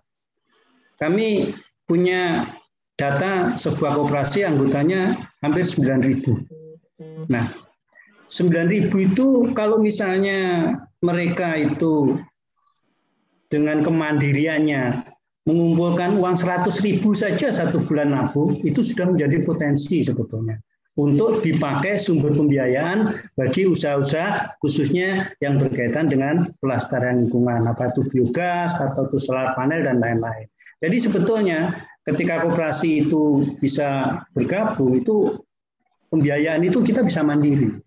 Hanya satu hal yang kami ingin sampaikan, khususnya pada Pak Hari ini yang pertama, eh, menggabungkan koperasi itu salah satunya ada kendala yang secara faktual ada di lapangan. Ini ini masalah regulasi. Kami tidak menyalahkan regulasi ini salah, tetapi regulasi ini ternyata juga kendala ketika kita mau menghimpun banyak orang menjadi anggota koperasi. Khususnya ketika keanggotaan koperasi didekati dari sisi kewilayahan. Jadi misalnya di wilayah ini anggotanya ya di sini, nggak boleh di sana. Itu harus kalau berkembang melintas sektoral, eh, lintas teritorial harus ada birokrasi sampai ke pusat. Sebetulnya ini mungkin bisa disederhanakan. Yang kedua berkaitan dengan undang-undang yang terbaru tentang cipta kerja. Undang-undang baru tentang undang-undang cipta kerja itu kan memberikan kesempatan koperasi itu bisa melakukan banyak usaha yang tanpa dibatasi. Ada dengan pelindungan perizinan dan perlindungan hukum yang lebih yang lebih yang lebih sensitif atau lebih bisa dirasakan oleh teman-teman Gareng Kopasi. Satu hal yang mungkin saya ingin sampaikan kepada Pak Adi, beberapa waktu yang lalu ketika kami mengadakan webinar juga ketemu dengan Pak Indra dari deputi uh, dari bagian perundang-undangan advokasi kalau nggak salah, itu kami ingin mendapatkan informasi bahwa hari ini Undang-Undang Cipta Kerja itu sudah ada turunannya, yaitu ada PP 9, ada PP 7. Tetapi saya hanya mohon ini mudah-mudahan lewat Pak Hari berikutnya akan ada sebuah peraturan yang di peraturan Menteri Koperasi yang akan menjadi turunan dari undang-undang di atas. Nah, di peraturan Menteri Koperasi ini kami mohon ada sebuah pasal atau ada sebuah pendekatan yang me, apa yang mendorong adanya usaha-usaha yang mendapatkan fasilitas, pelindungan, mendapatkan bimbingan dan lain di udang eh, usaha real, sektor real pelestarian lingkungan. Karena begini, ketika koperasi mau diarahkan mengembangkan usaha ke usaha-usaha pelestarian lingkungan, apa itu eh, panel, eh, solar panel atau biogas dan lain-lain, ada pemikiran yang jelas ini wajar ya, bahwa usaha itu pasti usaha yang pertama secara regulasi mendapat dukungan. Yang kedua, ini secara pembiayaan bisa di, di apa dibiayai oleh banyak orang. Yang ketiga bahwa uh, usaha ini sungguh-sungguh merupakan usaha yang memberikan apa memberikan bukan janji ya memberikan harapan untuk bisa dikembangkan sebagai usaha ekonomis yang menguntungkan baik anggota dan masyarakat. Mungkin ini aja yang kami ingin harapkan dalam statement statement closing saya. Terima kasih Mas Cucu. Terima kasih banyak Pak Nugroho. Eh, nah sekarang dari Mas Cipto, eh, kira-kira dari kacamata anggota eh, apa sih yang perlu digas lebih pol lagi? Walaupun Mas Cipto mungkin bukan panelis tadi ya, cuman saya todong aja sekalian karena tadi udah ngasih uh, testimoni. Gimana gimana Mas Cipto? Ya, uh, sekarang ini memang suka tidak suka, khususnya di Kalimantan Barat, kita dalam posisi kejar-kejaran. Kejar-kejaran dari apa? Karena uh, masyarakat yang kita bina itu kan berada di daerah-daerah yang tersebar di Kalimantan Barat. Uh, persoalannya adalah gerakan kita memotivasi masyarakat untuk melakukan usaha perkebunan atau pertanian yang ramah lingkungan ini kalah dengan gerakan perusahaan-perusahaan besar yang melakukan perkebunan skala besar, pertambangan, yang marak terjadi di Kalimantan Barat. Kita ambil contoh kasus, ada satu desa, satu desa 25 eh, persen daerahnya sudah diserahkan kepada perusahaan untuk pertambangan. 25 persen sudah diserahkan untuk uh, satu perusahaan untuk perkebunan sawit. Tinggal 50 persen. 50 persen di situ pemukiman, lalu ada sedikit lahan. Jadi di sana kita kalahnya itu. Ini yang menjadi ini. Maka menurut saya harus ada komitmen secara nasional juga. Bagaimana kita peruntukan lahan ini loh, Mas. Seberapa luas sih lahan di Indonesia itu harus untuk pertambangan? Seberapa luas sih untuk perkebunan skala besar yang yang tanamannya monokultur itu? Hmm. Ya kan? Baru seberapa luas untuk kita uh, kelestarian alam ini supaya kita dapat terbebas dari isu pemanasan uh, dari peristiwa pemanasan global ini harus secara nasional ada komitmen supaya kalau memang perkebunan-perkebunan ini terlalu besar, perkebunan ini kan sekali tebang itu ribuan hektar, Mas. Iya, iya. Kan kalau itu terlalu besar bagaimana ininya? Nah, itu. Tetapi bahwa kita di di lapangan dengan masyarakat yang kita layani tetap menjalankan komitmen seperti itu tadi. Kita tetap akan berusaha bahwa uh, yang kita cari adalah berkelanjutan. Untuk apa kita dapat besar tapi sesaat kemudian sengsara. Biarlah kita dapat kecil tetapi berkelanjutan sampai ke anak cucu. Itu yang menjadi apa bahan untuk uh, selalu motivasi kita di lapangan. Itu Mas, terima kasih. Ya, ya. Makasih, makasih uh, Mas Cipto. Uh, ini ini menarik karena karena uh, suka nggak suka siap apa pun bidang kita, kita akan dihadapi pada ketersediaan lahan di Indonesia gitu ya. Walaupun misalkan saya orang energi atau BK gitu ya, orang energi yang dari dulu, tetap mau nggak mau kita akan kepepet pada satu titik kita kita harus beraktivitas di lahan yang terbatas ini gitu ya. Pulau ya pulau yang ada di Indonesia ini gitu. Nah, pem, membereskan itu sama susahnya dengan membereskan yang tadi Mbak Tiza ingetin ngeduitin masih ngeduitin kotor, udah ngeduitin kotor, makan lahan pula, lahannya konflik pula. Jadi akan terus kusut gitu ya. E, makanya yang yang sering berkembang ya artinya yang memang sudah clear clean and clear ya peternakan pertanian itu kan jauh lebih relatif clean and clear. Cuman memang ini ini perlu perlu diskusi yang yang yang kontinu dan bukan cuma didiskusikan tapi memang memang kita gerakan karena gerakan kooperasi lagi-lagi seperti yang tadi uh, kita bahas gerakan kooperasi adalah gerakan soal kedaulatan ekonomi para anggotanya dan anggotanya adalah masyarakat gitu menyentuh langsung ke komunitas nah ini ini yang menjadi penting dan uh, semoga teman-teman yang terlibat di kooperasi tidak tidak tidak bosan-bosan untuk membicarakan hal ini gitu ya Nah, tadi saya dapat pesan dari panitia untuk kita foto bareng. ini yang paling penting dari dari seluruh urusan ini yang paling penting adalah foto bareng. Cuman saya nggak tahu siapa yang foto. Anissa yang mau foto atau gimana? Iya mas. Silakan. Oh, Anissa yang foto. Oke. Uh, gimana? Jadi ini hitung satu dua tiga atau gimana saya? Iya, tunggu semua nyalain nggak dulu ya. Silakan Oh, nyalakan nyalain. videonya. Oke, silakan semuanya dinyalakan videonya. Pasang muka yang paling keren. Jangan tiba-tiba loh, Nis. Iya, iya. Hmm. Siap ya. Satu, dua, tiga.